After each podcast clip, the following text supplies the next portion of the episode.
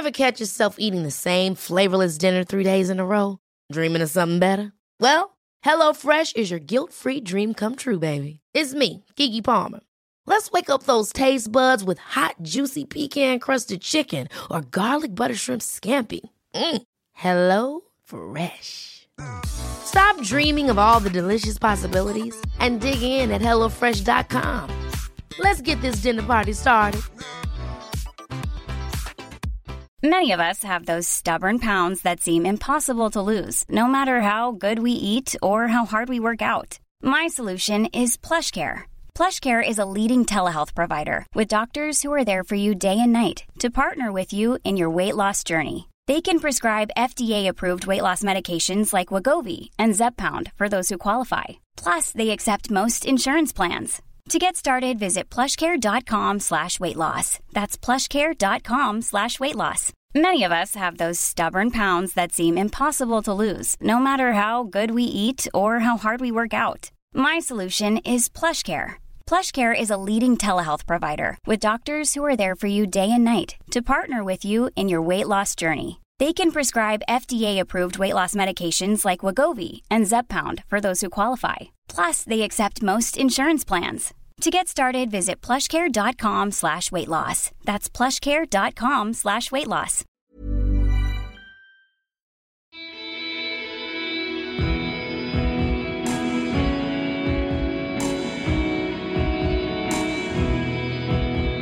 Velkommen til Kaptare-podkast. Det er eh, nytt år, nye muligheter, ny sesong på podkasten. Jon Ilseng er eh, tilbake. Jon Ilseng var en av de første gjestene på podkasten, helt tilbake i episode åtte, tror jeg det var, i 2019. Så hvis du ikke har hørt den episoden, så er det mulig å gå tilbake, men det tviler jeg på at du ikke har, fordi den er garantert en av de mest populære episodene noensinne på podkasten. Skyldes nok at eh, Jon også skriver en eh, blogg, og er eh, har vært litt i media, og kan mye om løping. Det som er morsomt i samtalen i dag, er at vi snakker om Jons nye, ja, hva skal vi si, karrierevalg som løpecoach. Det skal vi snakke masse om. Vi satte oss ned på Deichmanske bibliotek i Bjørvika. Har et eget studio til podkast som man kan booke seg inn på. Eh, ganske avansert. Eh, fire opptakere, fire mikker og en ganske avansert opptaker som jeg brukte litt tid på å sette meg inn i. Blant annet eh, ble det noe mer komplekst å klippe denne podkasten etterpå, men lyden ble særdeles god, så takk til Deichman. Før uh, vi går i gang med intervjuet med Jon Ilseng, så har jeg tatt en liten prat med en kar som heter Bernt Natvig, som er uh, en uh, lang uh, Patrion-tilhenger av podkasten, som jeg har truffet på for noen år tilbake. Han er den eneste som fullførte alle tre løyper av uh, Kaptaremesterskapet 2021. Som uh, dere kanskje har fått med dere, så arrangerte jeg en, uh, et løp via ripple.run som uh, var ganske morsomt å teste ut. kom litt seint i gang i det noe Ja, hva skal vi si avbrutte koronaåret 2021.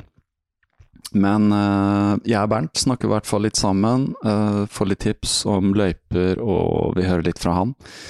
Så det opptaket kommer først, og så uh, kommer opptaket med Jon, som jo er selvfølgelig betydelig lenger.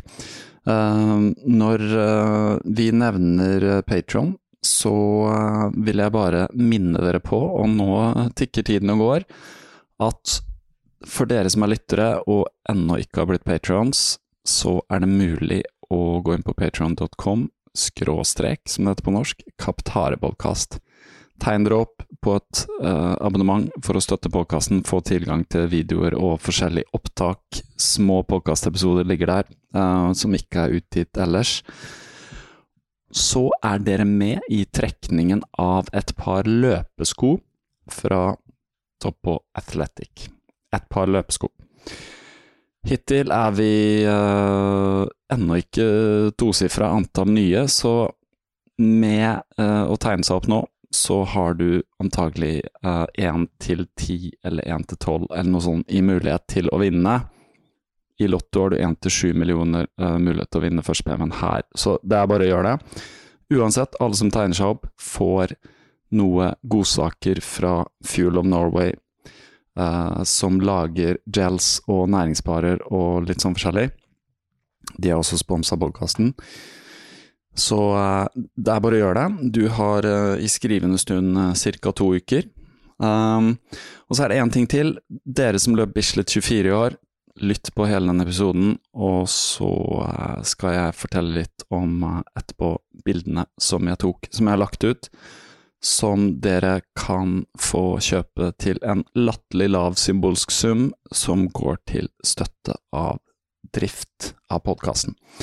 Uh, jeg kommer til å spille inn litt videre på Deichman, men jeg kommer også til å spille inn i et studio som jeg leier. Så ergo, Patron er inntektene uh, så lenge jeg ikke bruker masse tid på reklame og sånn, og det har jeg ikke lyst til. Så um, her snakker vi med Bernt uh, først, og så får dere Jon etterpå.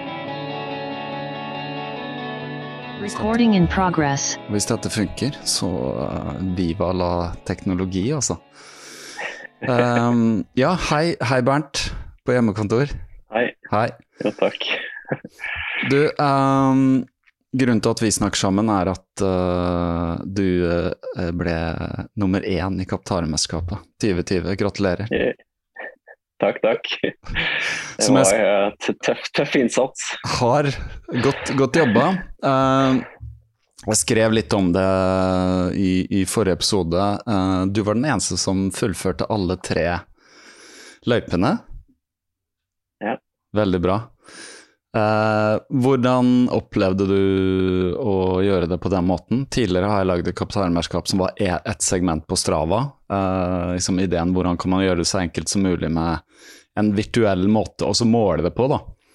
Så man slipper mm. å liksom gjøre for mye. Dette var litt større terskel. Man måtte inn der, lage en profil, og så, ikke sant, laste ned ruter, sjekke de ut, uh, ja, løpe de én gang, to ganger. Hvordan opplevde du det formatet? Jeg syns det funka veldig bra. Det var um, uh, første gang jeg faktisk brukte navigasjon på, på GPS-klokka. Men, uh, men, det var en, en positiv erfaring, det. Litt sånn små usikkerhet et par steder. Så første gangen løp jeg vel feil på, på Ekebergrunden. Uh, måtte kjøre den en gang til for å få en optimal tid. Det var sånne ting som jeg ikke hadde, ja, det var sånne ting som jeg ikke hadde tenkt på heller. For at uh, alt var nytt for meg også. Veldig gøy å teste ut. Uh, når mm. noen hadde løpt, så fikk jeg en mail at de har løpt. Og så hvis GPS-en ikke fulgte helt den ruta jeg har lagd, så fikk jeg en beskjed om å godkjennes manuelt. Ja. Og da kunne man se hvor det løp feil, og så var det sånn kunne man sette tiden, så jeg tror jeg ga deg et straffeminutt for å løpe feil. Så det var litt sånn her, jeg måtte gjøre sånne overveiinger som jeg plutselig ikke hadde tenkt på. Så det var på en måte det derfor jeg kalte det en slags uh, beta-versjon. da. Ja. Um, Nei, så, så, akkurat stivalgene er jo litt sånn at når det kommer til et veikryss, hvis ikke klokka gir et tydelig signal om høyre eller venstre, så, eller høyre eller Trump f.eks., så, så kan det jo by på litt utfordringer. Da. Så bråstopper mannen, og så blir det sånn? Så, ja. ja. jeg hadde et par på den, den Grefsenrunden også hvor jeg gikk en vei og så sa jeg nei, nå får jeg større større avvik, og så må jeg tilbake igjen. Så, ja. Men det, det, var uansett artig, fordi du, du tester en ny løype som, som, du på en måte ikke ville løpt selv. Mm eh, allikevel. Da. Så det, sånn som ned fra Grefsenkollen, så har jeg aldri løpt den veien som, nei, okay. som du har valgt ned til, uh, ned til Disen igjen. Da. Nei, nei. Så det var litt artig. Det var jo litt uh, Jeg vil ikke si tilfeldig de rutene, men særlig den du nevnte der over Grefsenkollen. Det var jo en tur som jeg og Magnus Toru løp, og så bare var det sånn I dag så ja, jeg tar det opp, så hvis dette funker, så blir det liksom den tredje ruta, da, som en langtur. Så uh, så du var den eneste som løp den? Uh... Ja, altså jeg, jeg, var jo Jeg måtte hive meg rundt en lørdag og, og løpe den, og da hadde du allerede begynt å bli vinter. Så det var jo gode snøforhold ned bakkene, for å si det sånn. Ja, det var allerede. på skoene jeg løp. Ja. Men, uh, men, det blei jo litt sånn vinteren tok for alle, i forhold til at desember ble ganske snøhyk. Den ble det. Så, så, selv om jeg hadde satt faktisk at det varte ut desember, så var det, det var lite aktivitet i desember. Så jeg skjønt etterpå at jeg må bare avslutte det før. Um, mm. Faktisk de Rippel som driver den siden, de maila meg med en gang det var over og var sånn og ga meg litt stats og sånn. Um, og så var de sånn Vil du arrangere det igjen, så kan vi kopiere det hele. Så sa jeg nei, jeg skal gå tilbake, skal jeg få litt feedback, skal jeg se litt på det også. Så sa jeg mm. til de at jeg kommer til å sette opp sånn at det går antagelig fra mars til oktober, kanskje november. Så blir det en god lang periode, og så blir det litt sånn samme format, tre eller fire runder. og så litt sånn, Da blir det litt sånn cup, da. Men det blir jo Oslo. Hva, hva, hva, tenker du om de løypene jeg hadde valgt, da? Nei, Det ga jo et, en god spredning da, i forhold til uh, kort og fart og langt og, og seigt, på en måte. Mm. Uh, og, og, det er jo litt fint, det òg. For det, da er det litt for, litt for enhver smak. da. Ja. Og så litt forskjellige deler av byen, sånn at uh, man på en måte får sett noen områder man ikke vanligvis løper i. da. Jeg har jo bodd på Grünerløkka selv, så jeg har jo kjent langs Akerselva, men akkurat opp til Grefsenkollen har jeg aldri løpt før. Sånn. Nei. Ja, det er en fin stigning, det. Ganske mm. mye opp, faktisk. Ja, jeg var litt overraska, for jeg hadde ikke studert løypa så nøye på forhånd. og Det var jo to tredjedeler som var oppover på en måte, og én tredjedel nedover. Det var mm. ganske kjapt å løpe ned igjen. Ja, det er det. Så ja. Jeg får se, se, litt neste gang, men det er jo øh, det er litt sånn øh, Kanskje neste gang så blir det en, kan det bli en mer sti. Altså, nå var det veldig urbant. Det kan bli noe um, Lillomarka eller Østmarka eller Nordmarka eller et eller annet sånt. Hvis jeg har litt mer tid. Hva tenker du om det? Tror du det er en god idé? Ja, jeg tenker det er fint, det. Det, det gjør ikke noe det når det er på sommerstid. Så Nei. er det jo mye som er tilgjengelig da. Og så hadde jeg valgt... en entanke sånn, Jeg kunne jo vært sånn A til B også. At du tar ja. bussen eller toget til en eller annen stasjon, og så, og så løper tilbake til byen. på en måte. For Det, det, det er sånn som jeg syns er fint. da. Det, det, er faktisk et godt poeng. Det er det jeg tenker på med litt innspill. Ja, A til B. Det er ikke mm. dumt, det. At uh, du tar bussen eller toget og så må du bli tvunget til å løpe tilbake. da. Alle ja. var jo runder på en måte som mm. endte opp samme sted som uh, Men det er jo ja, mange måter å gjøre det på. Den tredje løypa jeg hadde valgt, trodde jeg skulle bli en lett uh, sak for alle å løpe, som var faktisk uh, parkrun-sløyfa. det var ingen som løp parkrun. Det var to som løp den løypa, men det var liksom uten, det var deg og en annen, det, men det var utenom, utenom uh, parkrun. Ja, akkurat lørdag morgen kan det være litt tøft for mange. Ja, ja. For meg er det sånn Det er 800 meter borti her, så jeg er sånn Jeg kan gå ut døra liksom seks minutter på halv eller halv eller et eller annet sånt. Noen ganger så har jeg faktisk vært ned i gata og så ser jeg at starten går. Uh, så jeg har vært litt for sein. Men, uh, men, du har aldri prøvd å løpe parkrun? Nei, jeg har ikke det. Men nå, nå ryktes det at det kommer noe her oppe på Ekeberg hvor jeg bor. Ja. Da, så, så, da kan det hende at det blir noe parkrun her oppe etter våren. Det kan godt være. Det, det hadde jo passa det. Det er jo noen sløyfer der. Uh, eneste at det er vel mm. litt bakker Kommer an på hvor du løper fra, da. Um, ja, du har jo lysløype oppe i Bjørnfjellskogen. Ja. Der kan du få litt bakke i. Det er sant. Nei, men Vi får se. det er jo Parkland er jo helt avhengig av frivillige. Det er jo en på Fornebu òg, faktisk, som jeg ikke har fått løpt ennå. Ja. Um, nå har de jo Nå arrangerer ikke Parkland akkurat nå, men det kommer sikkert tilbake snart. Um, ja, uh, Nei, men uh, Gøy å høre litt tilbakemeldinger. Uh, hvordan er du som løper, egentlig? Vi har jo snakka så vidt sammen før, siden av Patron. Uh, hvordan du, du, er på Strava, så når jeg ser du løper litt innimellom, hvordan er løperutinen dine? Er det litt sånn commute til og fra jobb, eller er det, er det noe fokus på trening og løp? Det har vært mye commute i år. da. Når det har vært åpent på kontoret, så har jeg unngått bussen. Mm. Uh, tatt, tatt joggeskoene eller sykkelen. Uh, ellers er det mer litt sånn innfallsmetoden, men fokus på kontinuitet. da. Ja. Og så er jo på en måte Ønsket er jo å løpe litt lenger, men tidsklemma er jo alltid det som styrer litt hvor langt man får løpt hver dag. Da. Så det er mer fokus på ofte enn langt, eh, ja. egentlig. Selv om jeg kanskje heller burde hatt noen hviledager og så heller dobla distansen. Ja. jeg, jeg, skjønner det godt. Du har, også, du har også en situasjon med barn og og, ja da, ja. det er ikke noe stor utfordring sånn, men det er klart familielivet tar litt tid. Så. Det gjør det. Men det er lettere å skvise inn 40, ja. 45 minutter enn en to timer. Det er det. Uh, ser den. Uh, lang, langturene er litt sånn. Særlig hvis man skal gjøre det i helgen og si sånn ha det, nå blir jeg borte i mange timer. Men uh, innimellom er det jo greit, da. Men Ja, jeg, jeg ser jo at mange får inn mye volum også, bare løper kortere ruter. Uh, ofte, da. Ja. Mm.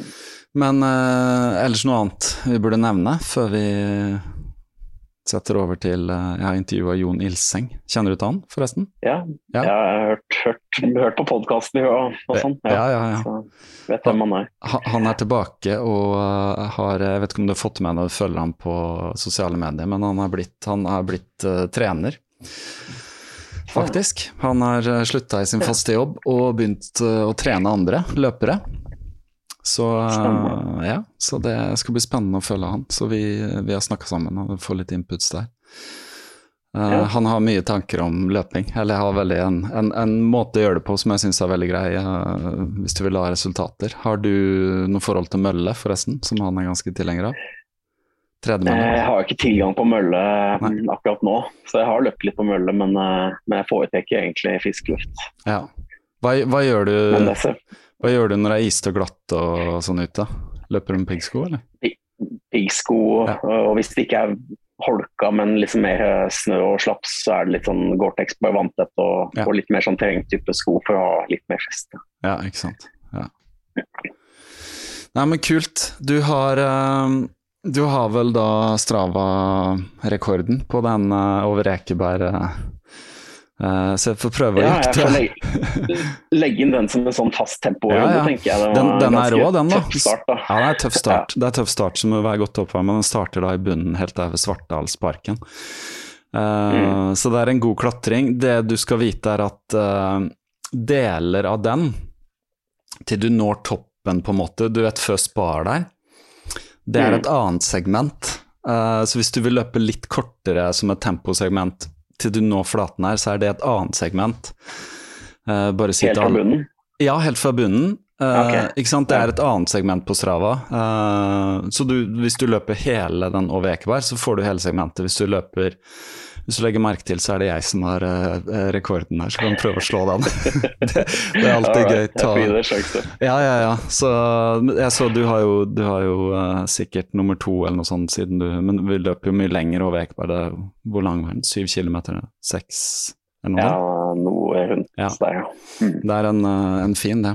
Nei, men Veldig kult, Bernt. Eh, Du får bare følge med, så kommer det en ny, eh, et nytt Kaptarmesterskap. Men det blir nok et par måneder til. Så takk for innspill. Så får du ha en bra, bra dag videre. Du også. Gleder meg til å høre på podkasten. Ja, det blir bra. Ha det bra. Ha det godt, da. Det var Bernt. Tusen takk for praten. Um, så følg med, følg med. Jeg lager et nytt uh, Kaptarmesterskap i år. Um, blir en betydelig lengre eh, tid. Uh, Sats på at når det starter, så kan vi være under en meter osv. Uh, da blir det selvfølgelig premier osv. Jeg gir uh, info når den tiden nærmer seg. Så er det Jon Ilseng.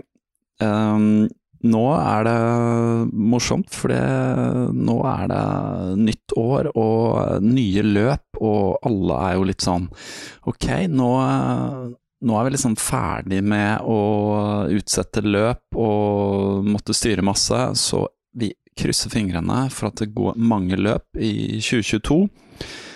Og da er det jo på tide å begynne å sette seg noen mål, og trene og bli litt systematisk. Eh, Og for meg så var det veldig gøy å snakke med Jon, og bare stille alle de spørsmålene som jeg stiller, og være litt nølete. Og lære en god del. Um, Jon kan mye, og Jon er veldig flink til å gjøre det enkelt, uh, vil jeg si. Um, vi har jo ofte den tendensen som løpere til å kanskje komplisere ting litt. Uh, hvilken økt vi skal løpe, akkurat hvordan vi skal gjøre det. Skal vi løpe så og så langt, hvor mange drag, hvor mye pauser, hvilken fart, hvilken puls, er det en VO2-maks, er det en terskeløkt, Og så videre og så videre. Dette har Jon uh, holdt på med i mange år. Og dette kan han, og her får du masse tips, og så er han jo også nå tilgjengelig da, for å, for å trene andre. Så jeg heier på det. Jeg syns det er kjempekult at folk uh, starter seg selv uh, og blir entreprenører. Det er uh, mulig i dag å faktisk jobbe med andre over distanser. Man trenger ikke møtes hele tiden. Det er så enkelt i dag å bare sette seg ned og ta en Zoom-prat og chatte osv. Så, videre. så dette er jo kjempemorsomt, og det snakker vi om. Og Jon kommer som vanlig med masse tips. Uh, så bare nyt denne episoden her, og så hør avslutningen på slutten. Så kommer det litt mer info der. Ok, god lytt. Da sitter vi i et helt nytt rom på Deichmanske bibliotek i Bjørvika. Fantastisk lite podkaststudio som har brukt Jeg tror fra jeg fikk nøkkelkortet, tror jeg har brukt nesten en time nå på å rigge meg opp.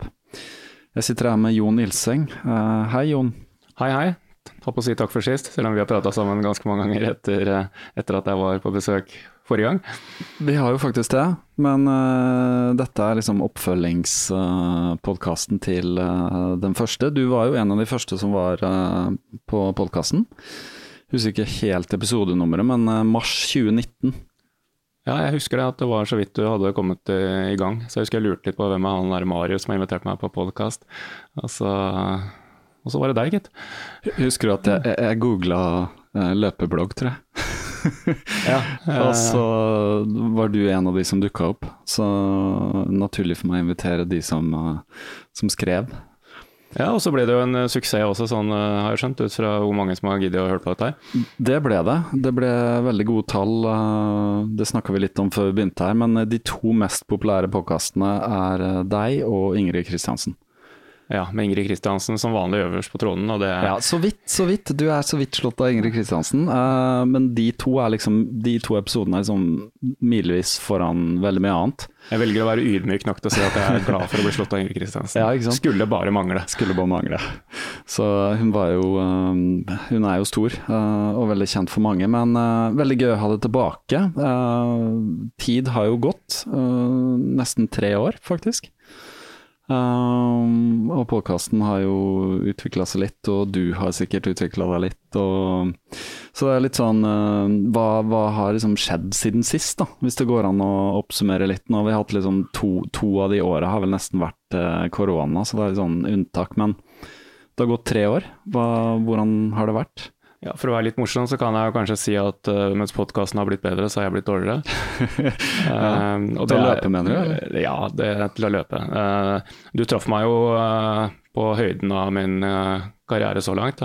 2018 var jo, et, var jo det mest, beste året mitt, og jeg satte pers på alle, alle distanser. I hvert fall de tre korteste, fem, ti og, og halvmaraton. Mm og hvor jeg også løp tvers over Norge. Så da fikk jeg gjort uh, relativt uh, mye. Um, og så har det blitt uh, Jeg har levert noen bra, bra resultater, men det har jo vært en langt skadeopphold imellom der også, så, så jeg har en liten sånn liste foran meg med ting jeg har gjort og sånn. så vet ikke helt hvor mye vi skal gå inn på akkurat det, men det, det Men vi, vi, kan jo ta noe som er veldig relevant, da. Er jo skade, selvfølgelig. Uh, du har hatt en skade? Uh, jeg har det. Uh, altså, to, to, 2000, har, ja. For å ta det først, 2019 gikk ganske, ganske bra. Jeg satte ikke noen perser for første gang. Det var det første gang jeg løp et halvmaraton i Berlin halvmaraton like etter at vi hadde prata. Det tror jeg var første gangen jeg ikke satt pers på halvmaraton. Jeg tror jeg lurer på om jeg hadde ti på rad. altså. Mm. Eh, da løp jeg på litt under 1,15 da. Og det husker jeg var kjempemisfornøyd. Eh, men eh, så tenker du deg litt om, og så er det kanskje ikke så dårlig likevel. Um, og så i 2020, på, på, høsten da, så begynte jeg å, å bli såpass, få såpass vondt i kneet at det, at det ikke var så gøy å løpe lenger. Mm. Um, begynte å satse litt på maraton, og det sånn i etterpåklokskapen sånn, så var kanskje ikke det så lurt. For jeg har en, eh, jeg har en skade i kneet som er eh, kronisk. Altså det er, eh, det er det er noe med demperne der sånn som ikke lar seg reparere sånn Uten videre. Mm. Nei, altså det, det går, kommer ikke til å bli ordentlig bra hvis jeg skal drive på det nivået jeg har lyst til å drive på. Mm. Så, så, da var det en lang periode egentlig uten nesten noe trening i det hele tatt. Uh, og det var jo ikke så veldig gøy. Og så da var jo koronaen også, ikke sant. Så alle disse tingene her. Og så har jeg rukket å bli 50 også midt oppi koronaen. Og så to uker etter koronanedstengelsen så ble jeg 50. Så det har ikke vært den kuleste perioden eh, sånn sett. Altså det har vært noen, vært noen gode løp uh, her og der. Um, men uh, blant annet 16,50 på 5 km, og, og, så har jeg vært under 1,15 på halvmaraton. Igjen etterpå? Uh, nei, ikke et, men nei. Den, den, det er jo fremdeles Nei, det er ikke den perioden, nei. nei. Ljuger jeg litt. ja, ja. Uh, nei, 1.15,32 er jeg vel fra København, da. Så, um, men det er snakk om vi, vi, snakker liksom et minutt bak persen din. Du er på en 14, bare for å ta det først, da. Det, tallene. Hva, hva, hva, har du som pers på halvmaraton? 1.13,43 fra, ja. fra um, 2019. Så 30 eh, 3,40 på halv og 16,40 på fem. Ja. Så jeg har vært liksom ned, og så har jeg vært hatt 34,20 og 16,50 eh, er liksom de to beste løpene jeg egentlig har gjort siden ja. sist. da. Um, Men kan jeg bare spørre med en gang, da. Har du innfunnet deg med nå til å ha satt inn rekorder? Uh, ja, det er ikke sånn innfunnet meg på samme måte som altså, Både og. Uh, mm. Du spurte spørsmål en, før vi begynte om, om det i det hele tatt var i fokus. Uh, og det er mer riktig å svare rett ut på, for det, det er det ikke. jeg har jo et ikke for å foregripe begivenhetene for mye, men jeg har jo nå et fokus på en spesiell tid jeg skal skal, skal løpe på, da. Og er ikke, det er ikke pers. Du må, mm.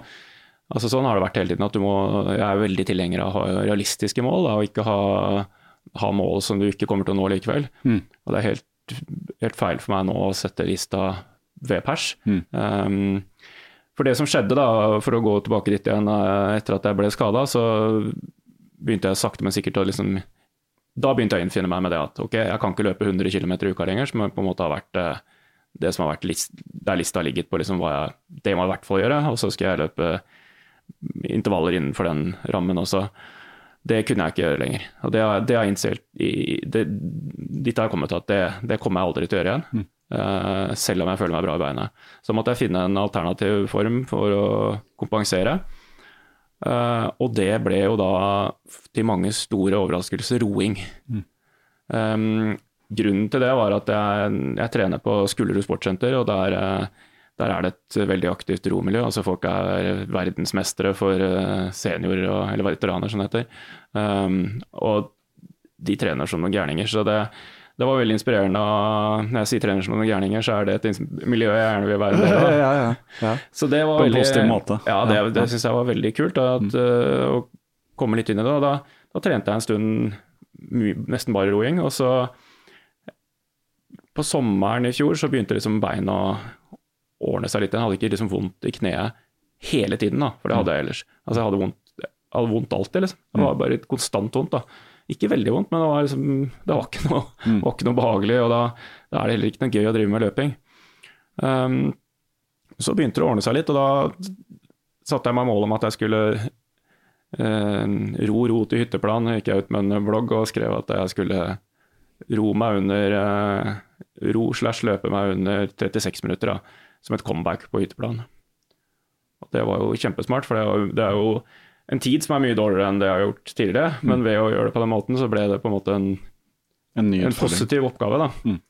Og da Og det klarte jeg jo. Og da, da altså det, det, viser bare hvor viktig det kan være å sette seg et mål. Da. Sette seg et mål som er realistisk. Pakke inn målet på en måte i i glanspapir for den saks skyld. Da. For det, da kommer folk og liksom 'Å, yes, så du er tilbake igjen, og så kult'. Og mm. Hadde jeg satt, ikke satt meg sånne sånn mål, så hadde folk kanskje kommet og og ja, ja, det er, kanskje gøy. det er kanskje ikke så gøy for deg lenger som ikke løper så fort. Og liksom, da hadde det blitt en helt annen inngang. Ja. Så, så var... Da velger du litt ditt eget narrativ òg, selvfølgelig. Ja, det, jeg har snakka om det før, å være helt i sin egen historie. Da. Ja, ja. Og da må du lage en historie hvor det er plass til deg sjæl som helt. Da. Eh, for det er jo helt opp til folk alle heier på hverandre. Er ingen. Alle ønsker jo det, å komme og si uh, ja. grattis. Liksom. Um, og da var jeg fornøyd med det, og det var, det var helt nydelig altså, være tilbake igjen og løpe, et, uh, løpe en ti kilometer med Ligge i et felt og kose seg. Så det var så deilig.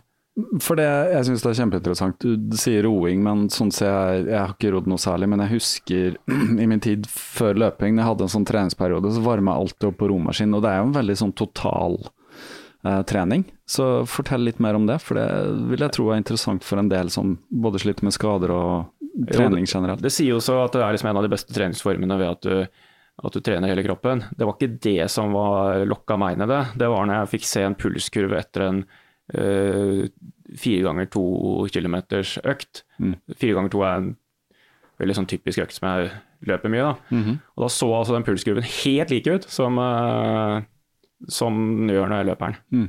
Altså det var ikke mulig å se forskjell. da. Uh, og da tenkte jeg ok, uh, mitt Altså Min forretningsidé i forhold til min egen, min egen trening er at tre, jeg trener hjertet først og fremst, og så følger beina på en måte etter. Mm. Ut fra den tankegangen så, så, vil jeg si ok, like bra trening da, på hjertet. Mm. Og så mister du jo selvfølgelig noe ved beina, men så får du faktisk også noe ved at du ikke har slitne bein hele tida. For det, mm. altså det har vært mange ganger jeg har hatt problemer med å komme ned trappa så seriøst om morgenen fordi jeg har vært så sliten etter, ikke bare etter intervaller, men etter, etter den totalbelastningen som 100 km i uka er over tid. Da. Mm. Så nå har jeg jo aldri um, tunge bein, føler jeg. Mm. Um, og så kan du si at jeg er ikke i like god, god form, da, men uh, nå er målet å løpe under 35 uh, i Holmestrand. Mm -hmm. og, og, for en som da har fylt 52, så begynner jo det å bli en Altså det, er ikke, det er ikke pers, eh, men det er klart at det, det er jo ikke noe dårlig tid, det. det. det. kan jeg si. For meg er det en hinsidestid. Men det er veldig gøy å høre du sier trene hjertet, for at du har jo veldig fokus på terskeltrening, og det snakka vi jo for alle som vil høre mer om. Så mye detaljer der, så kan man bare henvise tilbake til den forrige podkasten. Jeg vil ikke tro at det er noen som ikke har hørt den nå. Men det er jo, ikke sant, for at din filosofi er jo eh, ikke sant, det er terskeltreninger. Og da skal du ligge på intervalldragene, så er det liksom Det er rett under terskel. Du skal ikke over uh, Da har du løpt for hardt, ikke sant? Bare så vi får liksom klargjort litt på det ja, tekniske. Det er jo den store uh, diskusjonen, uh, sånn som jeg oppfatter det, hvor intenst skal du trene. Mm. Og, og, og, det kommer jo selvfølgelig an på litt hvilken form du er fra før. Det, det kommer kanskje enda ja. mer an på hvor mye du trener. Mm. For hvis du ikke trener så mye, så er det ikke så farlig egentlig om du løper på deg litt syre her og der, og da har du alltid en dag til å hente deg inn igjen. da. Mm. Men hvis du løper mye, så hvis du ser sånn altså Man ser Gjert Ingebrigtsen står og skriker, dette sa jeg sist gang, men står Gjert, mm. ser Gjert Ingebrigtsen står og skriker på sidelinja, mm. så er det for at de ikke skal løpe for, for fort. Ja. Ja. Så ikke får for mye laktat. da. Mm. Um, for bare å forklare det, og så Er du over terskel, så per definisjon så påfører du deg mer laktat enn kroppen blir kvitt. ikke sant? Det er ja. liksom det som er Og det blir en ond sirkel som gjør at du til slutt uh, ikke klarer å gjennomføre økta, og så drar det med deg mye syre til dagen etter. Mm. Og det vil du ikke ha, da løper du med sure bein mye, og det, det, er ikke bra i seg selv. Og så vil det da føre til at du kan bli skada sikkert, og, mm. og, en del sånne negative, negative ting, da. Mm. Men det å løpe litt over terskel innimellom, altså f.eks. Eh, siste tredjedelen så får du noen av de Og så kommer du litt over på noen av de siste dragene. Mm. Det er ikke noe krise så lenge du har kontroll på, måte på gjennomføringen. og mm. uh, Vi måler jo ikke laktat, da. altså Pulsen gir jo en, en indikasjon på hva slags laktat du har i blodet. Ja. Um, det er jo ingen av toppidrettsutøverne som driver med pulsmåling, de driver jo med blodprøver ja. flere ganger i løpet av øktene. Ja. Um, tar rett og slett laktat etter, ja. som vi har sett på Tim Ingebrigtsen. De løper, og så tar de laktat, ikke sant? så ser de ja. ok, dere er under, det er good, liksom. Ja, for det, da, de, da, kan de holde på en stund til. Ikke sant? Da, da, har de ikke kommet inn i den onde sirkelen. Mm. Um, Utenom Henrik Ingebrigtsen, da, som ofte får kjeft fordi han løper for hardt. Ja, det er, det er ikke lett altså, å treffe akkurat uh, Det er både veldig vanskelig og veldig lett liksom, å treffe rundt i det området der. Sånn, mm. Men for oss som forholder oss til puls, så blir jo selvfølgelig områdene mer cirka. Og så er det jo sånn at for noen så vil du kanskje ha en, en pulsverdi vil uh, være annerledes på Eller samme pulsverdi på morgen og kveld, da, mm. vil gi litt annen laktat. Mm -hmm. I forhold til hvor mye du har dratt på deg i løpet av en dag, eller? Nei, det kan være altså Hvis man har hørt på den uh, I det lange løpet-podkasten, jeg skal kanskje ikke konkurrere for konkurrenten her, men Nei, bare, bare fortell. Uh, med Marius Bakken så er det, ja. nevner han akkurat det der at, at uh, pulsen kan være annerledes på morgen og kveld, og, mm -hmm. og tilsvare en litt annen, litt annen laktatverdi. da. Ja. Um, jeg har, hørt, jeg har hørt snakk om den ja. Marius Bakken-episoden som jeg personlig ikke har hørt. Men, Nei, fantastisk, det må ja. alle høre. Altså, helt ja, fantastisk. Men, det er flere som har nevnt, faktisk. Men Måling av laktat er jo ikke jeg ekspert på, for det gjør jeg jo ikke. Men, eh, men det viser bare at for meg er det liksom en, en sannhet da, at dette er, dette er ganske presist, men det er ikke mer enn ganske presist. Mm. Så vi må bruke en viss grad av erfaring og mm. skjønnsmessig vurdering når man driver og, og, og løper. Um, når jeg sier vi her nå, så er det fordi jeg jo har begynt å trene noen, men det ja, kan vi komme tilbake til. Det, det skal vi komme så... tilbake til, absolutt. Men eh, nei, det var bare litt så vi sier at liksom For så vidt nok om det. Men uh, du fant i hvert fall ut at pulskurven, for det er den som er viktig, at du kunne få den samme ved å ro eh, intervaller ja, det var som ved å løpe. Ikke sant? Ja, bare for å komme tilbake til det. Så ja, det, det, det, vil jeg tro er veldig nyttig for veldig mange. Uh, og det er nesten sånn at jeg får lyst til å prøve det selv, uh, Ja, det, det, krever Jeg har fått noen henvendelser selvfølgelig etter, etterkant det, etter at jeg begynte å ro, for det, noen har jo lyst til å prøve det samme. Ja.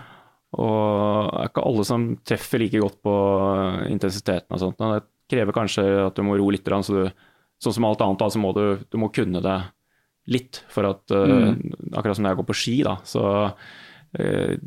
får jeg Pulsen går opp og ned uansett hva jeg driver med, for jeg klarer ikke å ligge på en måte og, og kjøre to mil liksom, i samme tempo, Jent, det er, eller i samme intensitet. Mm. Det er helt sjanseløst. Mm.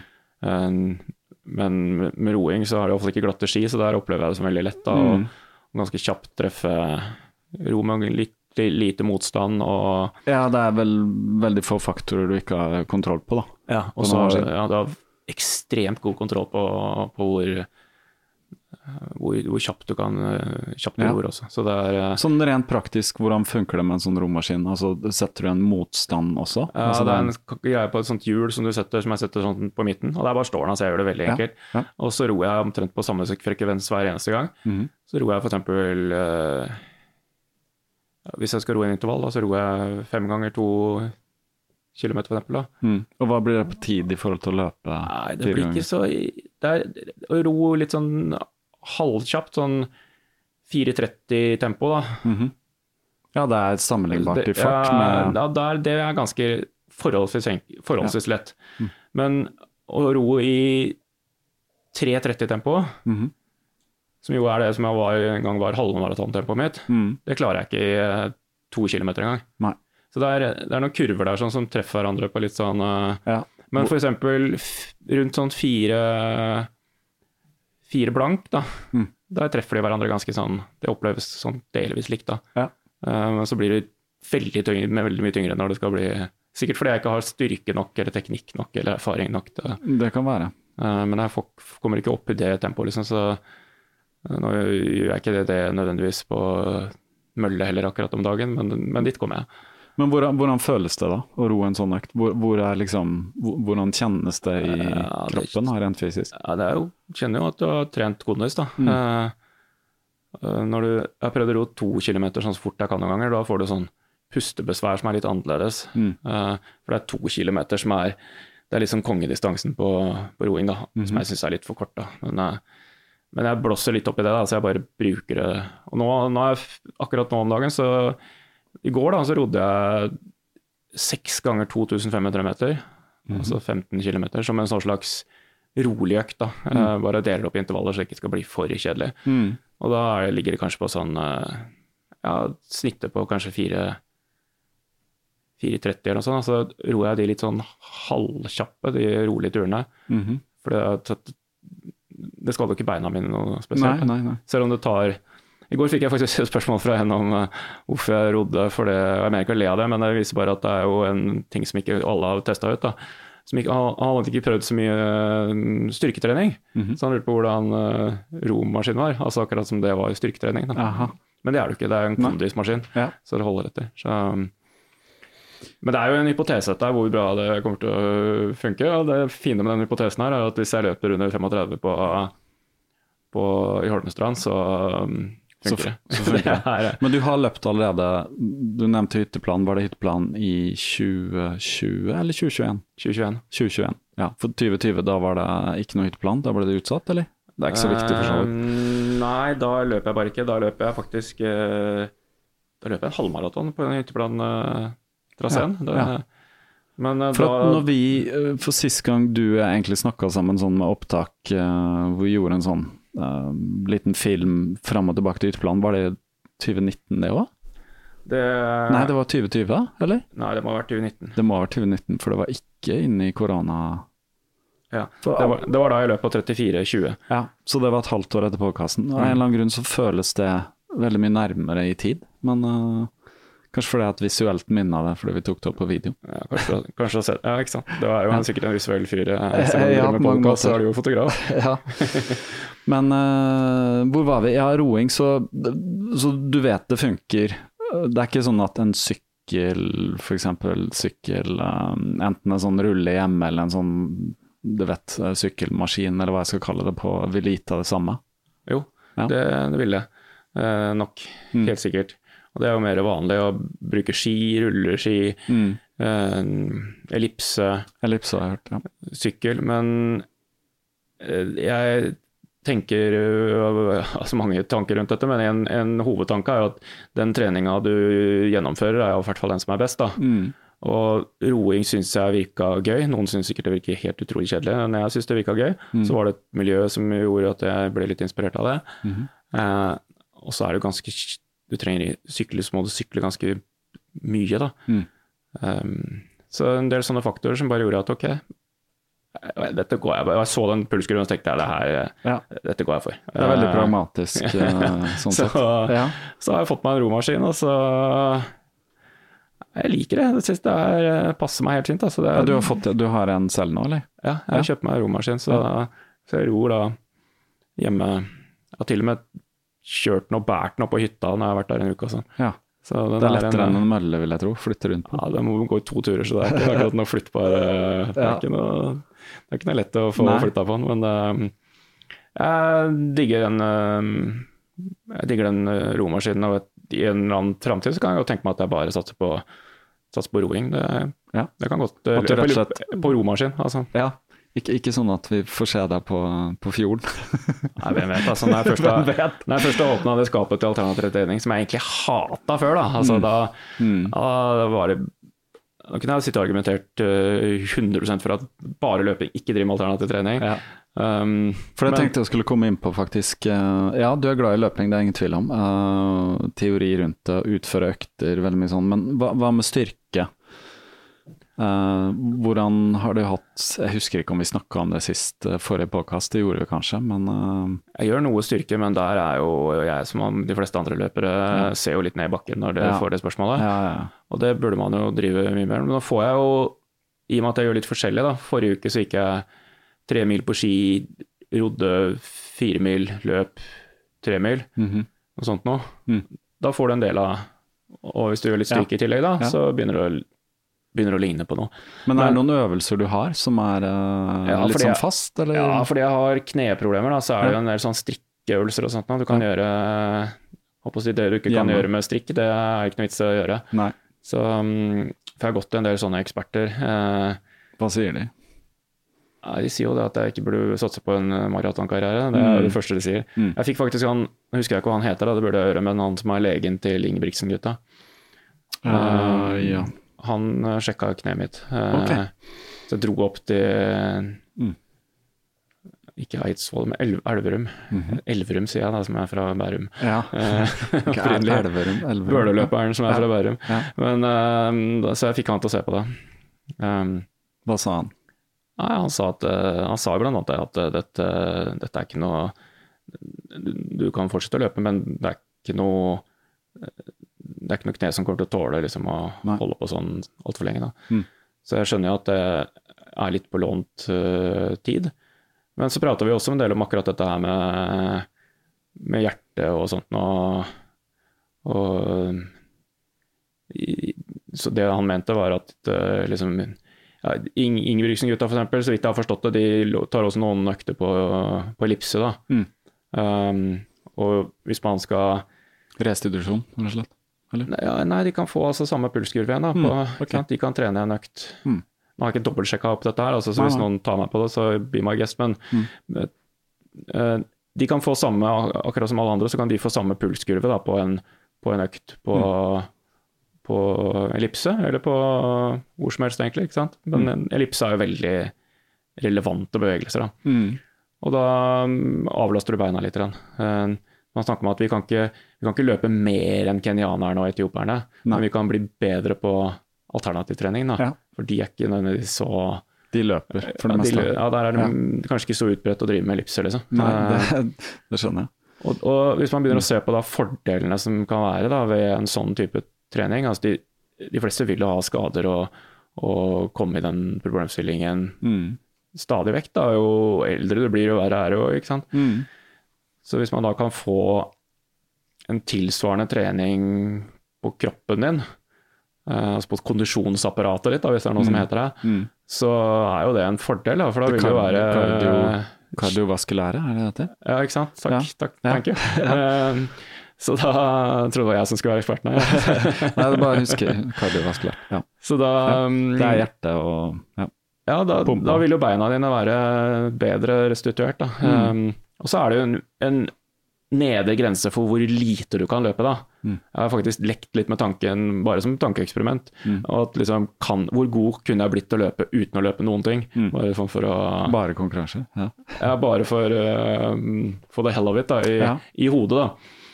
Um, og, og bare for å si det sånn at ikke noen tror at jeg har blitt en roer, så er jeg i aller høyeste grad en løper. Jeg gjør dette for å prestere, Mm. kunne prestere bra på, på, på løping da, på, i neste år på 10 km. Altså løpe meg helt opp i toppen i, i min aldersgruppe i, på 10 km. Det er Ja. det som er, eh, er målet.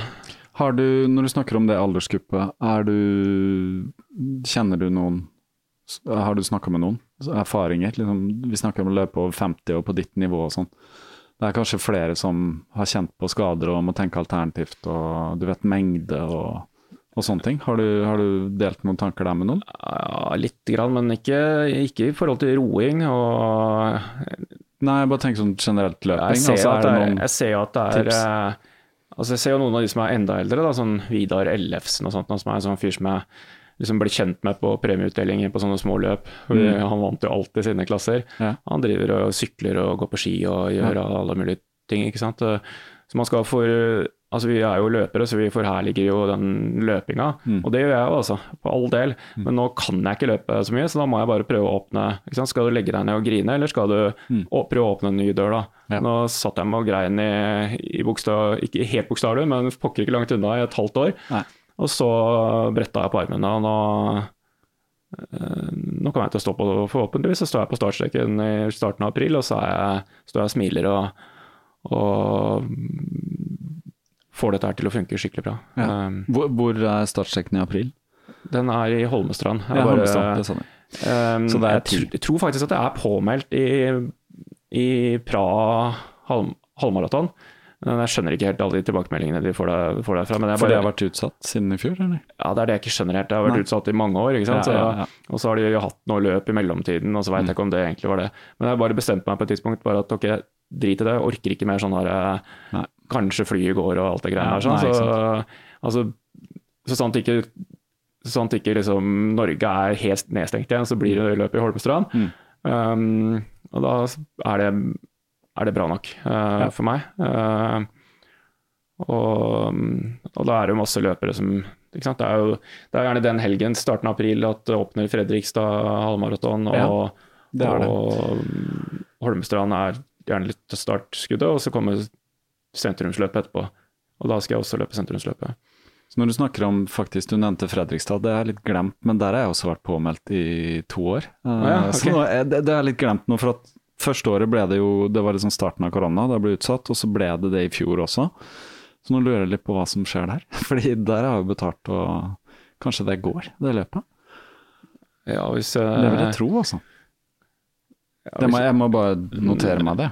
Det er jo bare å sjekke, hvis ikke så kan hvis noen fra Fredrikstadløpet hører dette, så kan de jo da minne folk på om de er påmeldt. For det, ja, for det er en viss forvirring om det, selv om det fremstår det som forvirring. Det er det. Man husker jo ikke, ikke sant? Jeg har jo konsertbilletter og sånn som jeg ikke øh, ikke husker at jeg Jeg vet liksom ja. ikke om jeg har en billett engang. Du må gå inn og sjekke om det liksom Tiden har bare gått. Ja, noen av de ble avlyst, og, mm. og noen har blitt utsatt, da. Mm.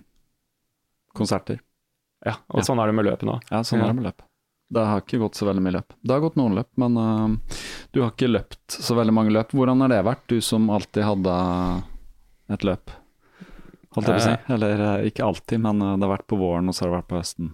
Ja, nei, jeg, har, jeg løper jo en del løp i 19, 2019, mm. og noen i 2020. I 2021 så løper jeg bare hytteplan. Mm. Da gikk jeg liksom all in for det, da. Ja. Uh, nei, jeg, jeg, det er ikke helt riktig. Jeg løp uh, femkilometeren på Nøkkelvann også, ja. men da med blytunge bein. Ja. Um, fordi at uh, Nå svarer jeg ikke helt på spørsmålet ditt, men likevel fordi at da, da var det alt det, det, jeg skulle gjøre. og da satsa jeg på en måte Det er noe som heter at det er like viktig å komme til start som å komme til mål. og for meg var jo dette felt spesielt viktig nå på hytteplan. Så jeg, jeg løper jo alle øktene på alle kvalitetsøktene på mølle. Ja. Og første to øktene jeg hadde, og eneste to øktene jeg hadde på asfalt, var uka før jeg skulle løpe ytterplan. Mm.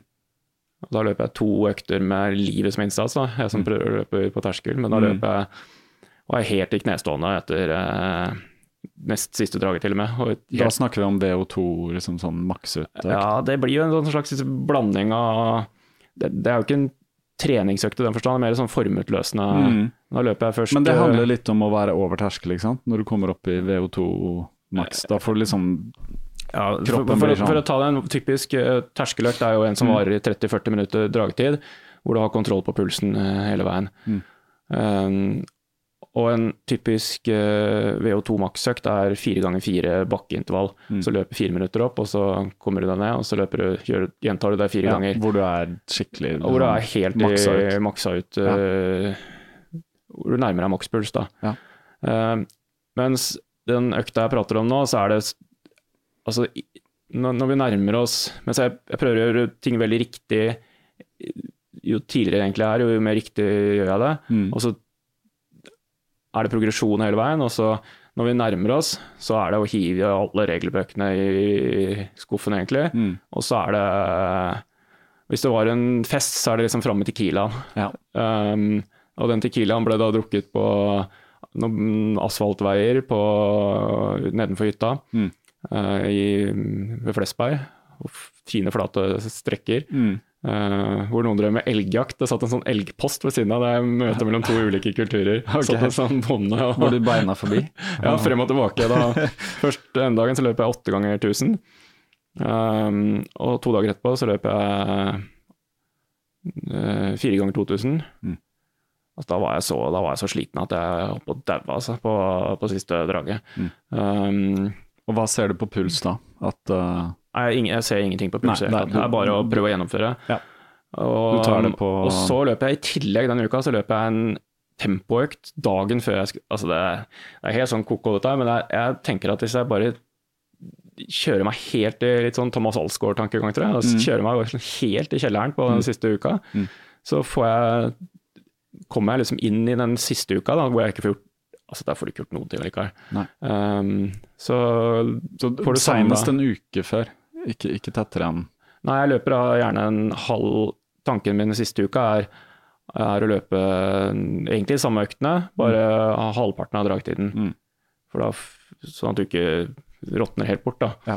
Um, men det tar også sånn cirka Da var jeg såpass uh, sliten, for da løper jeg da fem kilometer hytteplan, nei, mm. fem kilometer nøkkelvann rundt mm. på lørdagen, og så tok jeg en intervall sikkert sånn på tirsdagen. Og da, da, var ikke den, da var det sånn seks ganger 400 meter eller et eller annet mm. sånn at det ikke blir så ikke ja. så gærent. Du får ikke, rekker ikke å Såpass korte dragtider og, mm. så, så, og såpass få drag, så, så, rekker du ikke å dra på deg så mye syre. Nei. For det siste du vil ha den siste uka, er jo å ha med deg syre inn på mm. mm. Så det er bedre å bare kort, ned? Ja, altså det, er, det er liksom ikke noe det er ikke noe å lure på. Du vil ikke ja. ha syre i beina når du står på startsjekken. Nei. Men da nøkler man rundt én uke før hytteplan? Ja, det har løpt Ja. fem kilometer der eh, Ja. noen ganger tidligere. Eh, og det syns jeg er en fin Jeg kan godt løpe en ti kilometer også, tror jeg, en uke før. Mm. Um, det har vært noen som har spurt meg sånn der litt sånn kjekt ah, Har du noe god, godt tips nå en uke før? Ja, løp 10 kilometer alt du kan. Da ser du du angrer litt på at de spurte om uh, råd. Ja, det er bra tips. For det, en 10 kilometer vil for de, for de fleste være greit å bli kvitt Mm. i løpet av en uke, Mm. altså muskulært. For det er jo bare der, eh, hvis du ikke blir skada, så er det kun det muskulære, liksom. Som ja, ja, ja. ja. så lenge du er helt frisk igjen da etter en uke, så er det greit. Og for de aller, aller fleste så vil en uke holde helt fint. Mm. En annen sånn, sånn type, hvis vi er på liksom formtopping-greier, tre ganger 3000 med livet som innsats, syns jeg også er en eh, Mm. Særlig hvor det skal være Hadde en sånn med eh, Tony Gjerde, blant annet, husker jeg, som, eh, hvor han persa på siste 3000 på og var liksom bare sånn inne på Bislett. Og var helt sånn hallelujastemning etter Ja, eh, Da følte vi at vi kunne, kunne hatt løpet dagen etter, følte vi. Vi var liksom klare. ja, man blir ganske Ja. Det er noe med, det er noe med Løping foregår i veldig sånn kosesone, tross alt. Da. Selv i mine intervaller gjør det. Mm.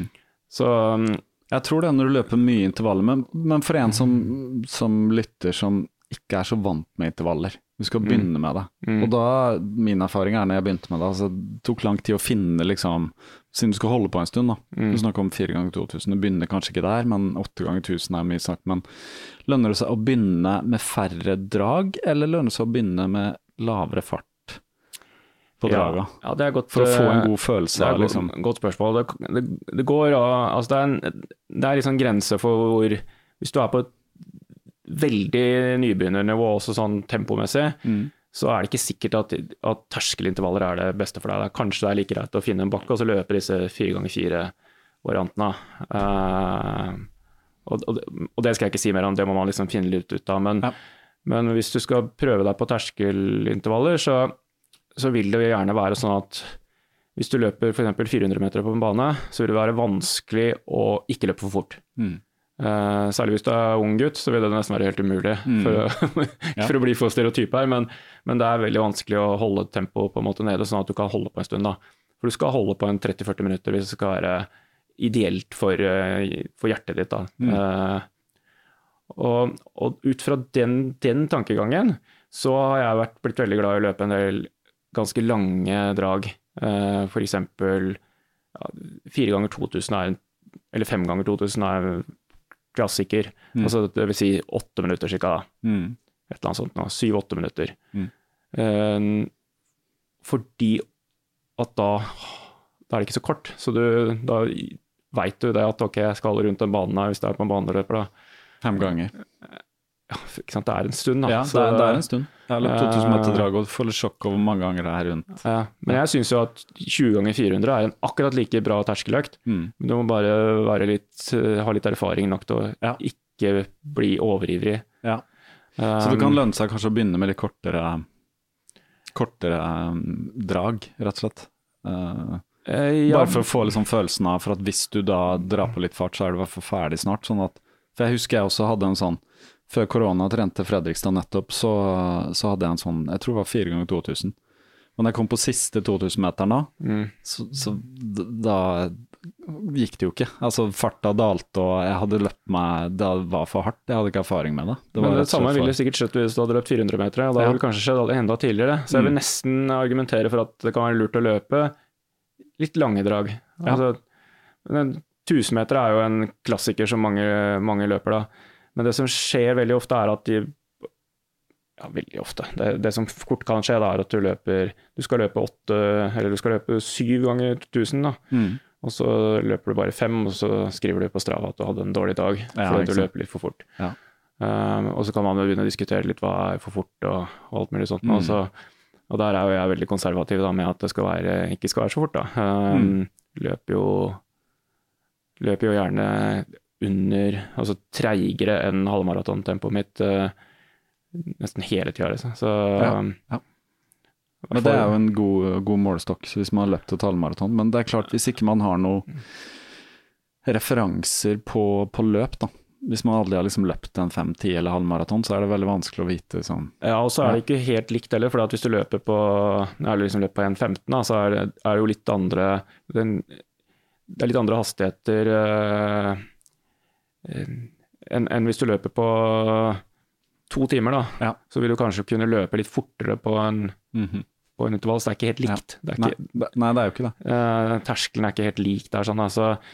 Men, men jeg, jeg, vil jo Du må aldri bare lytte til én, selv en lang podkast som dette her, så må du aldri lytte bare til én kilde. Du må finne litt ut av dette her. Hva er det som egentlig er tempo? Mm. Uh, forholder deg litt til hva, hva vil det si for meg å løpe i det tempoet.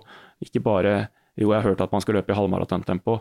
Altså det, det, må utforskes litt. Hva er egentlig halvmaratontempoet ditt? Når er det, mm. er det nå, eller er det du, det du drømmer om, eller er det det du har ja. når du var ung? Eller er det, ja. og Der er det jo veldig mye feil som gjøres, da. For, um, men hvis du En tanke er at når du er ferdig med La oss si at du skal løpe seks ganger Nei, fire ganger åtte minutter, da når du er ferdig med det siste draget, mm. så bør du egentlig kunne klare et drag til. La oss si at du iallfall kunne klart et halvt drag til, da, uten, mm. å, uten, å, kaste opp. Så, mm. er det, så er det fint.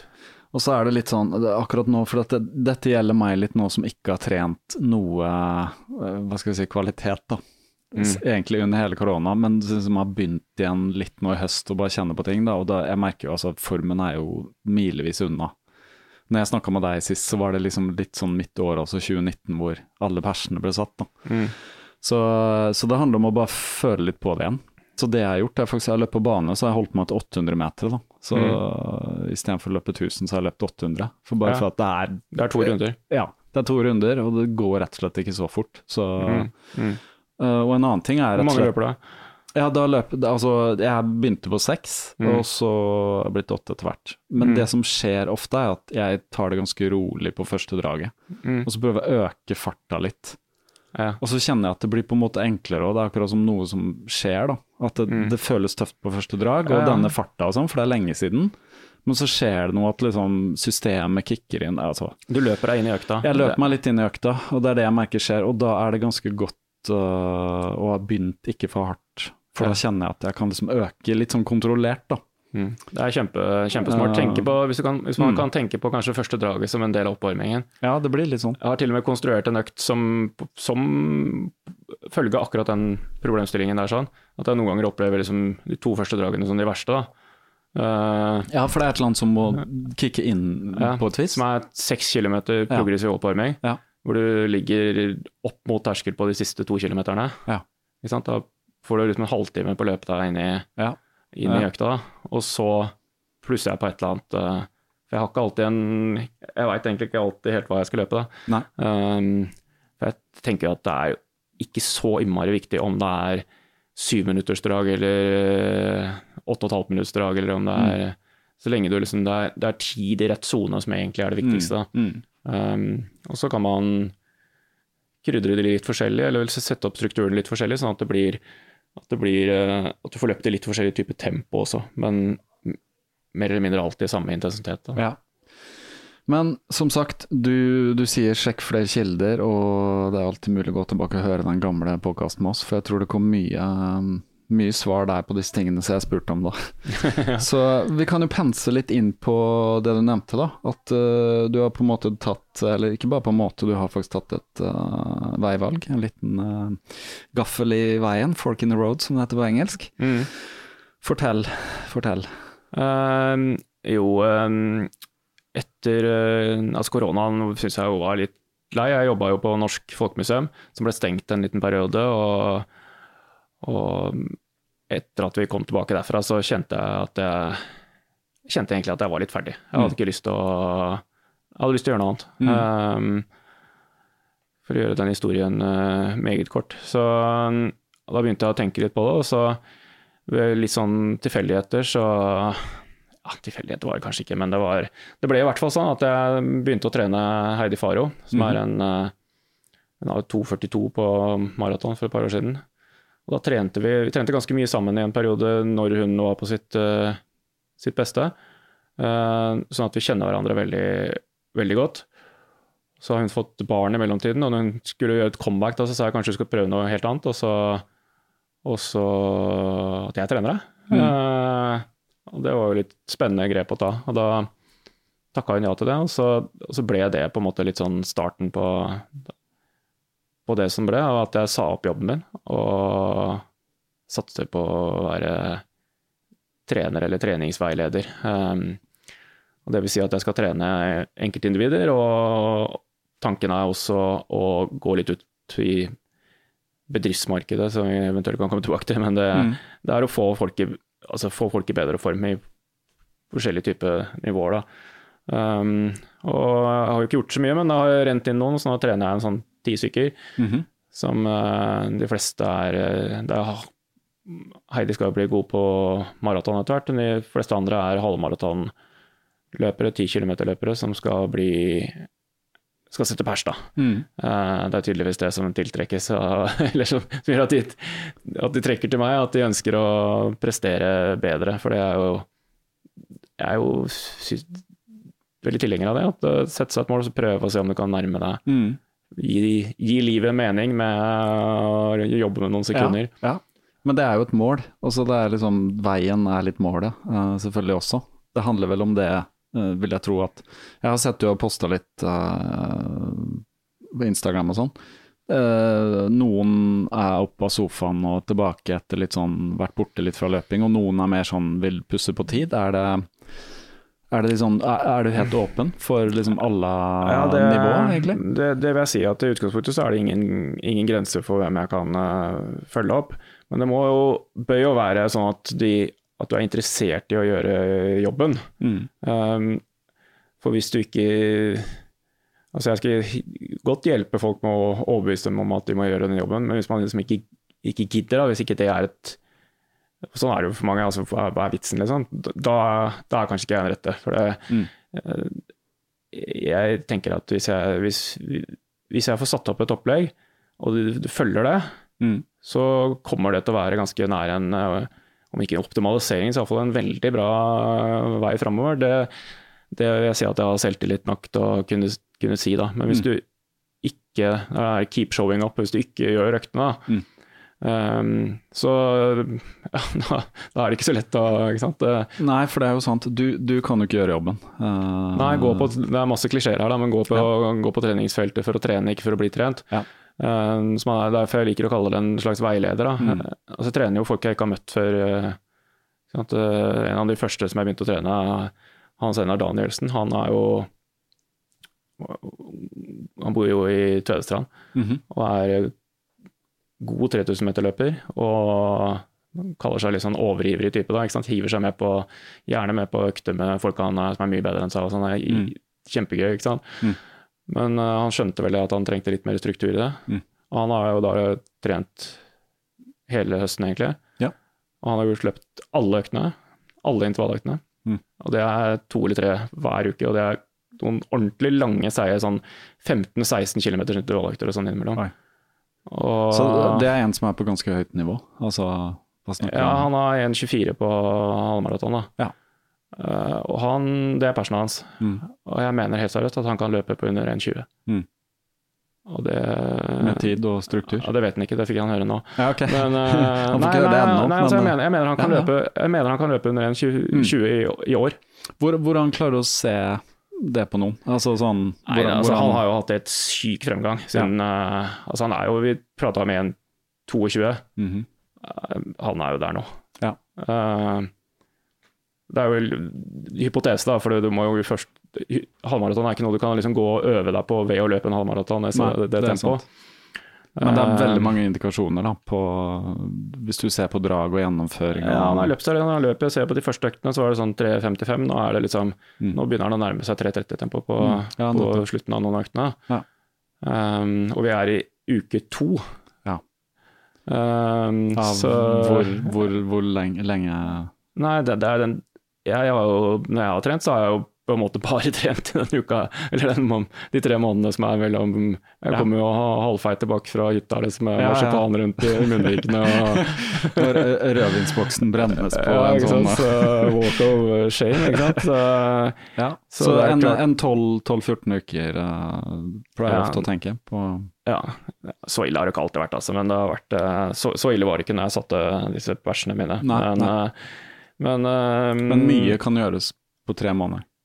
Ja, det syns jeg er veldig mye kan gjøres på tre måneder, men bare begynne kjapt å treffe på, på øktene, da. Mm. Og få det til å Og for hans vedkommende, da, så er det jo Alt er jo bare helt, uh, helt kult. Da er det bare å fortsette liksom, å gjøre, gjøre jobben, og så begynne å Formen begynner å liksom absolutt å nærme seg Altså hva er, hva er 1,20 på halvmaraton? Det er 1 Hvilken fart? fart? Ja, 3,48 er det.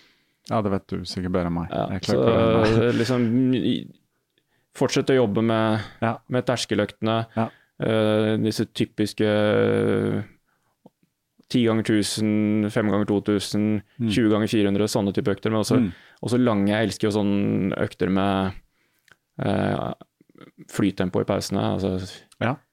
4 ganger 3000 med, med flytempo i pausene. Altså flytempo er da 30 sekunder treigere Mm. enn terskelfarta. Ja, for det, det kan vi jo faktisk komme inn på, da, før vi fortsetter litt på rent, rundt det med trening og sånn. Fordi du skrev vel en uh, blogg om hvor, hvor lenge skal pausene være? Eller hvor lenge Ja, skal det, ja, det har vært min nye, mitt Ja. nye mantra.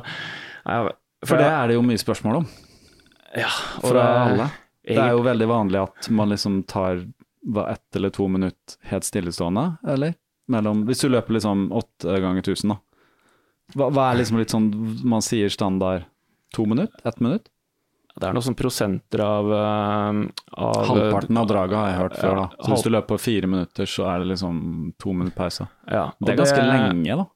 Ja, og Det, det er jo Når jeg diskuterer det, så kommer alltid folk med noe og Forskning sier også at det er veldig bra med så og så lenge og sånt. sånn, sånn. Mm. Og det Jeg vet, vet bare at den klokka, eh, i hvert fall den Garmin jeg har, den forrige også Hvis man liksom pauser draget, da, Mm. så går det to minutter, så får du en sånn hvile Altså hvor mye pulsen gikk ned uh, i løpet av to minutter. For meg går den ned så mye at jeg Ja, 40 nesten må begynne å varme opp igjen. Ja, ja. ja hvis du er i god form, ikke sant. Så da får du en indikasjon, da. Det har jeg brukt noen ganger tidligere. Ja, det, det sånn det at pulsen din går, går ned, betyr jo altså Hvis du er i dårlig form, så, så går ikke pulsen din så kjapt ned. Du ser jo folk som ikke tar heisen, men går opp trappene etter, etter i lunsjen. Ja. Så er jo slitne resten av dagen, ikke sant. Det, Ja, ja. um, så, så det der er jo avhenger jo litt av hvilken, hvilken form du er i, da. Vi kan, men vi kan jo egentlig si at jo bedre form du er, jo kortere pause kan du da ta. For du henter dem mye fortere inn. Ja, det kan du jo godt si er en, Litt sånn generalisering, men Det er én type sannhet som vi kan uh, Ja. sette to streker under, svaret på. Um, litt sånn i forhold til det vi snakka om i stad, at uh, i forhold til det er noe man uh, ikke skal si så ofte, så jeg skal prøve å unngå det. For det er, hvis det sitter noen ordkløvere der ute, så irriterer de seg sikkert over det. Men uh, i, i hvert fall, uh, hvor var vi nå? Vi var på, Vi var på pauser. vi var på pauser. At um, et, utpå... ut, et uh, problem som mange har, er jo at de løper for, uh, for fort. da. Mm. Uh, derfor har jeg noen ganger, løper jeg noen ganger litt lengre anbefaler jeg noen ganger litt lengre drag, Mm. og også korte pauser. For hvis du vet at du skal ha fem minutters pause, da, bare for å sette det på spissen etter en drag, Mm. så gønner du på alt du kan. Mm. Hvis du skal ha 30 sekunders pause, da, Mm. skal jeg love deg at du gønner ikke på like mye. Du må lure deg selv litt til å, til å tenke korrekt. Da. Ja. Eh, og det gjelder jo meg selv. Jeg må lure meg selv til å tenke korrekt hele tiden. Ja. Og hvis jeg har korte pauser, så er jeg mye flinkere til å gjøre den jobben som jeg egentlig har tenkt at jeg skal gjøre. Mm. Eller det du nevner som jeg er tilhenger av også, de flytpausene. Ja. Som jeg har brukt en del, og det, der må jeg innrømme at Ingrid Kristiansen er liksom en ting som har satt seg, så er det derre Skal ikke ta pause liksom mellom dragene, du får jo ikke noe pause i løp, så du skal ikke stå der og Helt eh, gæren på det ja, der. veldig sånn så- der, Skal ikke stå der og henge på klærne, liksom. Og det- Dra på jeg- treningssenter for å stå og henge litt. Ja. Så jeg, jeg skjønner, det er også sånn satt på spissen, sånn som hun kan gjøre, men det er litt sånn morsomt da. Men jeg, jeg, tenkte på det, og så har jeg prøvd um, på bane eksempel. Så løper jeg, jeg løper, åtte- så når jeg løp 800 meter, så løper jeg 200 meter pause mellom. Og det er jo ikke lenge. Nei. Det tok jo meg halvannet minutt, Mm. ikke sant? Ja, for Det mest vanlige er jo da at man har en sånn rolig joggepause eh, for å holde beina litt i gang Ja. og sånt. Da. Ja. Jeg har ikke noe forskningsresultat på om det er noe bedre, gir noe bedre resultater, sånt, men da, da holder du deg i hvert fall litt i gang og slipper å liksom, ligge på bakken. Da. Mm. Um, men det andre her er jo da, hvis du f.eks. tenker at du skulle løpt 800 meter, da, kunne løpt 800 meter, og så kunne du fortsatt da neste 400 meterne 30 sekunder tregere. Mm. Da går jo ikke pulsen din så mye ned som den vil, men da du øver deg på en måte på å ligge i pulssiktet Mm. her, da, som er mellom kanskje ti slag, ikke sant. Mm. Og det tror jeg er en veldig fin måte å tilvenne seg, kanskje spesielt eh, halvmaraton. Mm. Uh, Hvor du må være lenge på terskel, eller lenge på høy, høy, høy intensitet. Da. ja, du lærer deg å Ja. kontrollere det området der, sånn som er det området hvor du befinner deg Mm. hele Mm. eh, store deler av, eh, av halvmaratonet. Du, du vil jo også gå over da, på slutten av et halvmaraton. Mm. Um, og det er mange som tror at man skal øve mye på å ligge der, da, men det trenger du ikke. Hva snakker du om over terskelen? Ja, Ja. For du ligger jo da, la oss si at den er på 165, da, Mm. så trenger du egentlig ikke å øve så mye på å ligge over Mm. der sånn. Mm. Um, og der er jo den store feilkilden her ute i verden at folk tror det, at de må øve veldig mye på på på en måte ligge i den sonen som de skal avslutte et halvmaraton på. Mm. Men uh, det mener jeg helt bestemt at det trenger du ikke å gjøre. Du kan kanskje ha noen økter her mot slutten, men, Mm. uh, og gjerne noen konkurranser hvor du går all in og sånn, men det Mm. er uh, et, et eksempel som beviser dette her, er jo han Ingebrigtsen-broren som eh, sofa som kommer rett fra, jeg vet ikke om du har Ja. fått med som kommer rett fra sofaen. Mm. Han løper nå halvmaraton på uh, 1.15 ish. Jeg har ikke sjekka tiden, et eller annet rundt her. Mm. Og etter hva jeg har fått med meg, så løper han da ingen økter. Ingen økter. Fortere. Eller snittet på Snittet var på ingen av øktene hans fort, raskere enn snittet på halvmaraton. Du trenger rett og slett ikke trene på å løpe fortere enn du skal løpe et løp. Kan I, du si? i, i prinsippet. Ja? Det kommer Mm. litt an på For han gjelder de verdiene rundt 1,15 og sånt nå. Ja. Kanskje det er litt annerledes når du skal løpe på to, to timer. Det, igjen, sjekk andre kilder på det, akkurat hvor du bør ligge der. sånn. Mm. For I det siktet der sånn, så er det, så er det en bevisbar sannhet at det er mulig, da. Ja. Um, han, han hadde et bedre grunnlag, om man kan si sånne ting, men, men indikerer langt på vei Altså, det er et argument. Ja. Hvordan vil dette funke når vi snakker mye om kortere og sånn, men maraton eksempel, da? Med, som du så vidt snakka om at du har trent på, Ja, så jeg vet det løpt, men hvordan vil du tenke på intervallet mot maraton? Ja, det syns jeg er en helt annen type, type idrett, nesten. Altså. Det, er, ja. det er et veldig stort skille, syns jeg, mellom halvmaraton og, Mm. og maraton. Det er- Spesielt, det er for. Ja, spesielt for de som løper under 1,30, da. Mm. Så er det Det skjer liksom noe etter en, en og en halv time, gjerne. Sånn- Men så kan ta meg som eksempel, da, som satt pers på maraton i 2019, da. På helt i desember. Løp i Mm. Spania på 3.29. mm, det er bra, det. Det er bra for meg å være. Mm, kjempebra. Uh, 4.50 er det. Mm. 4.50 fart er jo tross alt ikke eh, veldig fort, men det er Nei. lenge. Altså det er, det er slitsomt å løpe lenge på 4.50. Det, det merka jeg jo på maraton. Uansett hva du skal gjøre, hvis du skal stå rett opp og ned i så lang tid, da ville Ja. pokker meg nesten ikke klart det. Nei, Nei men det er, ja, det, det, det er det som er den store forskjellen, at det er såpass lenge. Og det føles jo ikke Det tar så lang tid før det blir hardt nå. Jeg husker jeg Ja. løp liksom Da var jeg på 1,44 eller noe sånt på halvmaraton, og det føltes jo lett, ikke sant. Eh, Det er jo en Maraton er jo i, i må ta sats når jeg sier dette, for noen vil sikkert være uenig, men det er jo første rekke muskulært. Mm. Altså, du må lære beina dine til å tåle, Mye. tåle juling såpass Mm. lenge. Og, og, men jeg tror en god måte å tenke på er at hvis du, hvis du er i god 10 km halvmaratonform når du kommer inn i en maratonperiode, Mm. kanskje du har juksa litt med å dratt med deg noen gode lange langturer, Mm. Så vil det være en veldig fin måte å angripe og Det er det vi skal gjøre med Heidi. Hun skal komme tilbake i god, eh, god halvmaraton 10 km-form. Mm. Så skal vi begynne der igjen og, og jukse litt, da, sånn at vi drar med oss noen, noen økter, kanskje. Vi har ikke helt lagt opp opplegget. Mm. Vi skal ta en prat om det om en måneds tid, men jeg tenker at vi begynner å sannsynligvis løpe noen litt maratonspesifikke, men får en skikkelig god kondis. da. Ja. For da vil alle verdiene vel på en måte være helt tipp topp, da. Mm. Før du begynner med den spesifikke muskulære Selvfølgelig. Ja. med utfordringen som det jo er, da. Mm. Så det er eh, kort eh, sånn som jeg tenker innganger. Og så kan man vurdere veldig mye og veldig mange veier å gå. Da. Jeg syns det er mer veier å liksom gå rundt maraton enn enn rundt 10 km trening. Mm. Uh, det, er litt, det, er selvfølgelig mer fokus på, på lange turer, da. Å tåle de timene på beina, uh, selvfølgelig. Det merka jeg med maratontreninga, da hadde jeg en god høst med mye langturer. Mm. Og det utgjør en stor forskjell når du har løpt en god del 30 pluss, rett og slett. Mm. At, uh, som tar deg tre timer, da.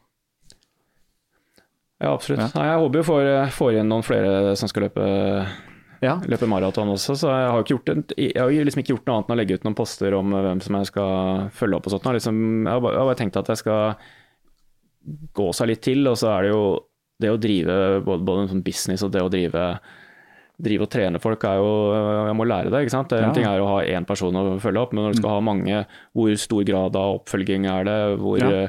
Hvem trenger hva? Hvordan er eh, Ja, altså, for jeg tenkte jeg skulle høre litt. Hvordan praktisk gjør dere dette?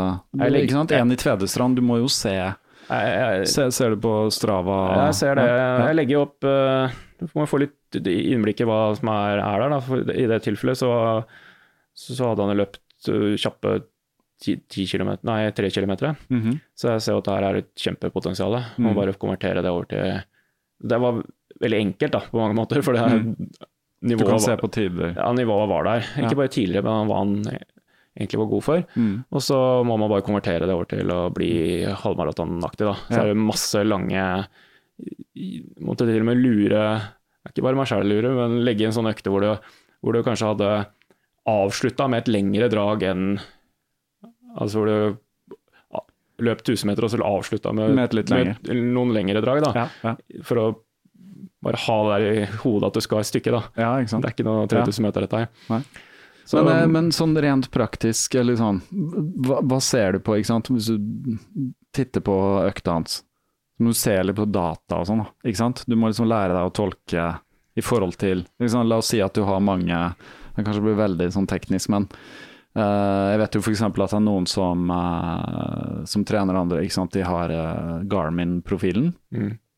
Litt samme som Strava, men det står kanskje litt mer sånn nølete på Garmin. Ja, eller Garmin. om det er Polar, eller jeg vet ikke hva folk har. Men Garmin Connect er veldig fin. Den er fin, fin ikke sant? Men ja, det er nok av data å ta. Noen av disse folka er jo, er jo veldig, veldig på det. da. Mm. For hva, hva, hva, hva, trenger du egentlig, liksom? Altså, hva, trenger man egentlig å se på? Man trenger jo ikke på en måte balanse på hver fot og vertikal oscillasjon og hva enn det Nei, det er jo fint, det er veldig fint å ha en eh, laktatprofil, da, sånn at du mm, vet mm, ja, cirka hvor I eh, forkant. Ja, at du vet hvor, hvilken terskelpuls man skal ligge på. Så mm. la oss si at Sånn som Terje Dahl, da, som er Asker-løper på min alder, som mm. kom inn nå som nest siste som har kommet inn døra. Mm -hmm. har jo ekstremt god oversikt over uh, alt han har gjort. Ikke sant? Mm. Alt er i Excel-ark og mm -hmm. alle Og da ser man, kan man se på laktatprofilen. Ok, den uh, terskelpuls på 163. Mm. Uh, og så kan man se litt på ok, hvordan, hvordan ligger han i forhold til det på de øktene han har kjørt. Jeg syns kanskje noen har vært litt uh, avslutta litt høyt. Mm. Hva, hvilken betydning for det? Uh, hva er det han kan trenge i den miksen her? For han har gjort utrolig mye dette har gjort utrolig mye riktig. da. Det er nesten sånn at du liksom bare kan ikke gjøre noen ting. da. For jeg er veldig opptatt av å ikke være en sånn som kommer inn og sier at nei, nå skal gjøre alt annerledes bare mm. for å markere mm. mm. Ikke noe markeringsbehov, egentlig. Um, men her er jo se litt på, okay, kanskje variere øktene litt mer. Også disse flyttempopausene som mm. Altså hvis du kan, kan prøve litt. Ja, løpe. Du skal bli en uh, man skal bli en seig jævel, da. Mm. Uh, være, det er ikke tempo nødvendigvis som er problemet. Du skal, mm. og Der det, kan det være ting å hente. da. Så, Kanskje det man glemmer, at det er faktisk ganske Det, det, handler mest om kontinuitet og tid og liksom å stå i, stå i, det, og stå, stå i økta. Rett og slett, ja. Hvis du løper økter på er 18 km, da, mm. som jeg har løpt masse av sånne økter på, mm. på stå på mølle liksom på 18 km, avslutter mm. du på altså 16 km, avslutter du på på det tempoet du skal ha på 16 km på en halvmaraton. Ja. Det er jo noe å ha med seg, ikke sant. Mens ja. noen andre driver og sprinter opp en bakke, da. Så ja. har jeg alltid tenkt at jeg er smartere. Og det tillater jeg meg å gjøre, da, selv om det ikke nødvendigvis er riktig. Så... Men, men, ja, eh, interessant. Bakke, bakkeøkter. Har du Jeg tenker på sånn i forhold til skader. Ja, jeg har begynt å funnet meg en sånn ja. bakkeøkt som jeg liker godt nå. Har du et godt, kan ta et sånn godt tips til en bakkeøkt? Ja, seks ganger seks ganger seks minutter. Kan eventuelt ta fem ganger. Seks minutter drag oppover? Det er lang bakke, da? Nei, det er mølle, da. Ja, mølle, ja. Ok, ok. ok. Jeg digger mølle, da. Ja. Um, Men da setter du kjører mølla på 5 har jeg kjørt den på. 5%, ja. Og her er det, fineste Hør med en eller annen langrennsløper, de har sikkert ja. noen gode, ja. gode, greier der. Sånn. Men hvis du, du, la oss si det ikke løper mølla og skal løpe en bakke, da? Som, um, da, da, er det vanskelig å finne noe som er Det som sånn- er noe herk der, er at du må ned igjen, da. Ja, det er det. Uh, La oss si at du har vondt i beina. Da, mm. det, at, og, og, hvis du har vondt i legger og akilles, mm. så ikke løp bakkedrag. Nei. Og så sjekker du litt rundt det der, men ikke gjør det. For da får du mer vondt i legger og akilles. Handler det om å løpe ned igjen? Nei, det handler Nei. om at du løper opp, så okay. belaster du både akilles ja, ja, ja, og så det, det blir jo en annen vinkel. Ja, så Det er det eneste liksom, som jeg vet om. Mm. Og jeg er ikke ekspert på sånne Nei, men plager, det, men det, det er sikkert noen som har erfart dette, vil jeg tro. Så ikke gjør det. Men hvis du har alle andre skader, f.eks. kneskader, mm. så vil uh, oppoverbakkedrag være lurt. Mm. Men det vil jo ikke nedoverbakkedrag være, da. Så hvis du da, hvis du da løper uh, ja, det, er, det, er, akkurat det du skal ned igjen. Uh, jeg liker å løpe oppover fordi det er et eller annet med jeg, jeg, det er et eller annet med Nå er det lenge siden jeg har løpt på fart, men jeg merker det når jeg begynte å løpe fart igjen, og så er det akkurat som Hva, hva er denne kroppen? Altså Det er akkurat som liksom det minnet. Mm. Hjernen er ikke synka på fart lenger. Jeg følte bare Jeg løp inn på Bislett for noen uker siden, steget var bare helt sånn Det var sånn at jeg begynte å tenke på hvordan det ser ut for andre her nå i denne farta, fordi jeg følte meg som en sånn men løper jeg i bakker, så kan jeg på en måte gi gass, og så ser jeg at pulsen kommer opp, og så føler jeg at jeg har så innmari kontroll eh, liksom på farta, samtidig som jeg ser at jeg jobber veldig bra. da. Så jeg har mm. hatt mye sånn oppover Ekeberg. Lage noen Strava-segmenter for seg selv, så kan man mm. teste seg litt. da. Mm. Uh, og da, men da, da, er det mer som en tempoøkt. Altså, da løper jeg jo ikke ned igjen, jeg løper opp. Og så når jeg kommer opp, så, så er det på en måte ferdig. Jeg tror det er kjempefint. Du, du føler deg sterk, og du, du må jobbe med, ja. med sete og lår og Det er helt tipp topp å løpe. Men da blir det mer som en sånn, ikke sant, at økta varer liksom i 20 minutter eller 14 minutter, eller alt ettersom hvor jeg begynner og hvor langt jeg løper og sånn. da.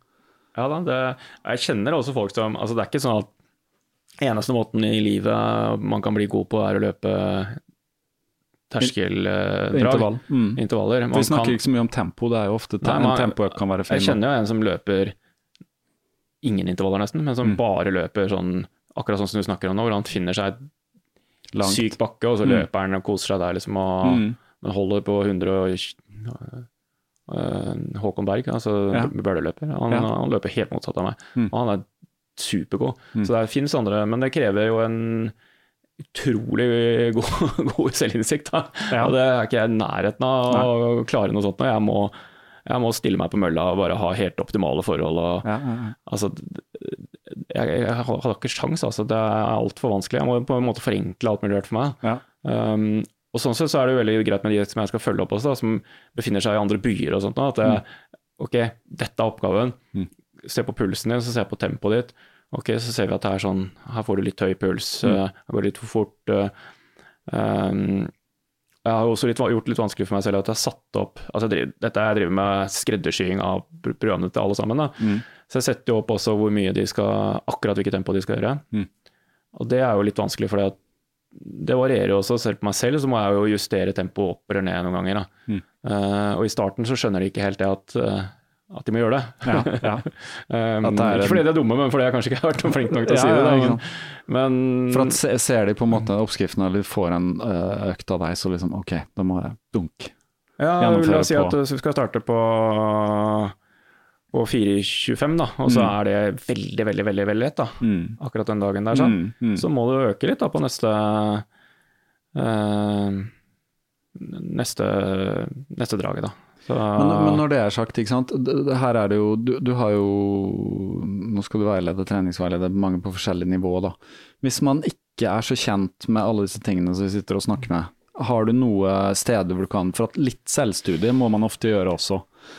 Ikke sant? Um, jo, det, det er, er, det noe du peker på da? Les den boka, eller sett deg inn i dette, eller, eller setter du ikke Nei, ikke, nei. Jo, ikke nødvendigvis, det kan være helt tilfeldig. Men uh, jeg, Hvis noen er interessert, da. Jeg ba faktisk en fyr om å lese boka til Jan Post, for der sto det en del om det å løpe på mølle på uh, hoteller. At den aldri stemmer, da. Nei, så da kunne han få noen tips om hvordan uh, så, men jeg har ikke noe sånn spesielt. Jeg, har, jeg, kjenner at jeg trenger en video med styrketrening. For det, ja. jeg må referere til andre ting som ligger, ja, ja, ligger Men det på, det jo masse Men, Men, men sånn som jeg følger opp en som heter Vibeke Klevestø, Runvibbe på, på Insta, mm -hmm. som har lyst til å følge henne, som plutselig tok kontakt. Og, Kjenner henne ikke i det hele tatt. Tok kontakt og bare Kan ikke du trene meg et år, da? Mm.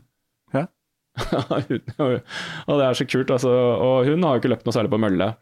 Sånn som jeg Litt som meg, da. Så det er sikkert noe, ja, og da, litt som andre òg, tenker jeg. Hun er bare så herlig og bare går i det. og Det går fint. og det, nei, det var ikke så gærent, dette her. og Nå tror jeg hun begynner å bli litt sånn god venn med Og da måtte jeg helt ned på å forklare, forklare hvordan, hva, hvilken av de der mange tingene er du ser på. Ja. Jeg ser jo da på det som heter fremdrift, da, som er altså temp, ikke kilometer i timen, men at du løper da f.eks. på for hennes del 4.35, da, som kanskje mm hun er en som kan løpe kanskje på under, under 1,30 i løpet av neste, neste år, mm -hmm. hvis det er mulig. Uh, det tror jeg kan være, kan være mulig um, på halvmaraton. Um, og, og, da er det en fin måte å bare stille deg på mølla og bare se på, bare på det. Mm. Ikke drit i klokka di, bare legg bort ja, ja, ja. lapper og sånt. Ikke sant? Er, det er jo sånn at man blir jo veldig sånn Strava holdt jeg på å si stykkene her, men Strava-junkies. da. Ja. Alt, skal liksom, alt skal være riktig på Strava. Hvis ikke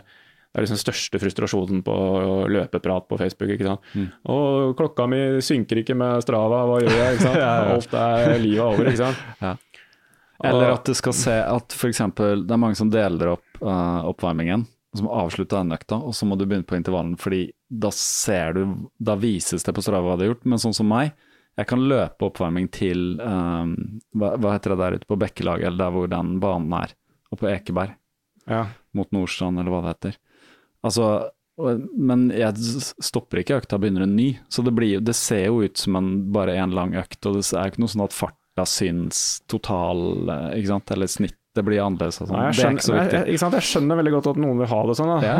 Um, de som har Excel-ark og alt uh, funker helt, mm. helt, fint. Så for, for, meg er ikke det så, så viktig, og det kan ødelegge litt hvis du f.eks. må ha med, ha med oppvarmingen, da, eh, og så er det, opp, og så er det oppoverbakke. Så mm. blir tempo lavt der, og så blir snittet på hele økta ja. ser veldig dårlig ut. Ja, sånne type ting. Jeg prøver å bare være helt kynisk på sånne ting, bare drit i det. Nå, vet, nå har jeg i det siste jeg har, Pulsbeltet mitt har gått stykker, så nå i det siste så har jeg trent hver eneste økt uten klokke på hånda i det hele tatt. Jeg bare tar bilde av, av displayet, både på roing og på ja. Og så bare mater jeg inn. Ja. Og jeg vet jo at det er riktig, jeg har ikke fått alle pulsene helt riktig, så jeg må jeg skal faktisk bort og prøve å få, få meg pulsbelte. Altså. Jeg kan ja. ikke være en sånn trener som får Nei, det, det, er greit å ha. Jeg snakka om pulsbelte, jeg fikk et uh, nytt til jul, så snakka om det der med skrittfrekvens og vertikal oscillasjon og sånn. Det plutselig dukka opp på meg nå. Ja, og det er jo Sånne ting kan jo være veldig viktig for å få ting korrekt. Det vil sikkert være noen som tenker at det er helt umulig å følge opp ordentlig, få folk ordentlig uten å uten å, altså Flere av disse folka har jo ikke sett løpet. Noen av dem har tatt en tur sammen med, og det kommer jeg til å prøve mm. å få gjort. da. Ja. Um, for de som, er, de som følger altså de jeg følger opp nå, de er jo egentlig, syns jeg, da, veldig heldige. For nå har jeg jo uh, Jeg har jo ikke så mange, så det er jo, de får jo mye kjærlighet da, i, uh, Um... Men jeg, jeg, skal spørre deg et par ting faktisk om uh, mølle. For at akkurat som sist vi snakka sammen, så har jeg um, pga. Oslo og vinter og sånn, uh, inn på et sånt treningsstudio. Så nå har jeg begynt å løpe på mølle igjen, og det var mange år siden. Uh, og jeg merka at jeg, sånn, jeg, jeg, sleit litt jeg, med å tilpasse meg mølla. Nå tok jeg en tur på søndag, bare en time. Uh, det jeg opplever, liksom stille farta på den mølla og så kan jeg løpe mye fortere enn det sier seg selv, enn ute på samme puls. Sier det seg selv? Ja, for ute er det jo ikke sant, det er vind og det er litt sånn, altså kanskje litt uh, opp og ned og Men jeg så i hvert fall at pulsen min var veldig lav. Uh, mm. Altså jeg kan løpe sone én da, uh, på 5,40 fart, liksom. Mm. Mens ute så ville jeg vært på, på sone 2. Men beina går jo fortere har det, det er dumt spørsmål, men har det noe å si? Altså Er det en fordel ved å løpe på mølle. Jeg tenker jo sånn Ok, uh, hjertet går ikke så hardt, men beina går fortere. har, det, har, det, noe som helst å si? Det er jo sone én, da, så er jo, mm. uansett så er det jo marginal forskjell på det ene eller andre. Men jeg opplever det som at jeg liksom løper fortere, men jeg merker på pusten når jeg ser på pulsen at det er ikke noe Men det kan jo være fint, det. Folk er jo veldig opptatt av holdt på å si, Nesten jo dårligere det er, jo mer opptatt av er de og hvilken prosent den her mølla skal stå på. Ja, ikke sant. Og jeg satte den på null, bare så det er sagt. Altså, ja, det, men det er jo mest riktig å si at ja. den skal stå på for det skal kompensere og sånne ting. Mm. Jeg, jeg, er litt uh, pragmatisk der, altså jeg bryr meg ikke så mye om sånne ting. Uh, og jeg bryr meg egentlig ikke ingenting For å være helt ærlig, jeg bryr meg ingenting om uh, Hånden på hjertet. Mm. Ingenting om mm. den der diskusjonen om forskjellen på mølla ute. Mm. Og det beviste jeg, syns jeg, veldig godt på hytteplan. Mm. Og jeg løp to kjappe økter ute. Mm. Alt på mølle før det. Ja, og da ja. føler jeg meg helt 100 klar. Altså, jeg, mm. jeg, skjønner liksom ikke helt Jeg vet at noen har eh, noe problem med det, så jeg skal ikke si at de ikke har det, men man må på en måte ikke overtenke forskjellen på, mm. på dette her. Og det har blitt tilbakevist litt at det, at det er så veldig stor forskjell i stegsgreier og sånt. Og kanskje det er noe Ok, men det er jo ikke sånn at, det er jo ikke sånn at folk er så ekstreme som meg som nå i dette tilfellet. Altså nå i prinsippet nå så løper jeg 100 løper jeg intervaller, 100% på mølle. Mm. That's it, da. Og da vil du kanskje få en problemstilling, mm. men for de fleste andre så er jo ikke det en problemstilling, for de løper jo litt ut og litt inne. Og, ja. um, jeg tror man kommer et stykke der med å ikke tenke at det er en veldig stort problem. Derimot så blir varme og sånt noe kan være en kjempestort problem. At det merker jeg, ja. Du står på mølle som er ja. satt litt feil, og står med 20 rett opp i ja. varmekilde mm. og og alt det greiene der sånn, som, um, som kan gjøre det litt, uh, litt trøblete. Ja. Um, men, og det er veldig fint å løpe i sone 1, men jeg, jeg vil jo først Altså, for deg som har løpt litt og sånn, så vil jeg jo finne fram arket og sette opp de øktene som du liksom mm. føler at du må gjennom, da. Mm.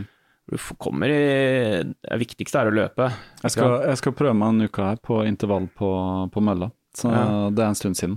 Jeg husker sist gang så gikk det for fort. Uh, den farta jeg satt, da Det var for hardt, da. I forhold til ja. Men eh, det er, derfor en sånn type Prøv en sånn Løp deg opp eh, i tempo fra mm. helt rolig. Mm -hmm. altså Løper kanskje fra seks blanktempo og opp til fire blanktempo mm -hmm. på seks kilometer. Mm. Og så tenker, tar du en uh, par minutters pause der og tenker ok, hva nå? Ja. Slenger du på noen to kilometer, er du klar for litt ja. uh, et eller annet? Men det skal da være en halvtime til, kanskje, da. Ja. Uh, eller 20 minutter til. Start seks kilometer progressivt, kan du si. Ja, eller, ja. eller en halvtime, da, progressivt. For seks kilometer vil jo være veldig stor forskjell på en for. Mm. Um, Nei, men Det er et godt tips. Det er en veldig fin måte å løpe seg inn i det på, for da mm. ser du jo veldig Ok, nå, nå Og det du ofte vil se da når du er i den fasen av treningshverdagen din, er at du tenker at å gud bedre, jeg har høy puls, så jeg løper ganske sakte. Mm. Motsatt er egentlig hva du ja, ser nå. da. Ja. Nei, jeg, er litt, jeg, er litt, spent nå. Jeg har, vært, jeg har, bare hatt noen økter inne på Bislett. Sånn sett er jo, er jo um, bakkeøktene veldig fint, da, for da mm. fjerner du deg litt fra det vanlige tempoet du mm. har. da. Mm.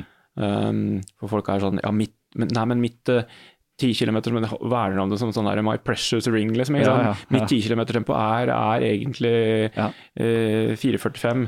Ikke sant? Fuck det, det er ikke det i det hele tatt. Det er noe helt annet akkurat nå. Ja, det er det. Det er det det er. Det det er.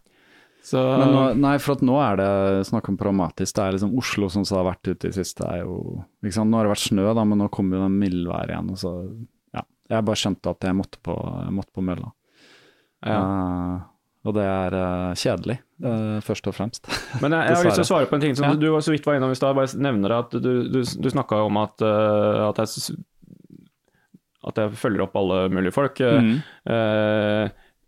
Roger Kvarsvik fra Vestlandet, mm -hmm. som jeg har chatta en del med før, han har lyst til å gjøre comeback på Og han har lyst til å gå ned i vekt og, og er skada og er liksom alt har gått uh, mot han sånn løpemessig, mm. men uh, er så skikkelig motivert nå på Vi skal jobbe sammen i åtte-ni måneder mm. og løpe liksom under persen hans på jeg, jeg husker ikke hva det er, uh, for det er liksom et godt stykke fram, noen og 20 eller noe sånt, mm. på, på halvmaraton. Ja. På 21-tallet. Ja. ja. ja. Han skal da ned 15 kilo, liksom. Ikke mm. sant? Og, mm. Og da blir det jo en mer sånn total.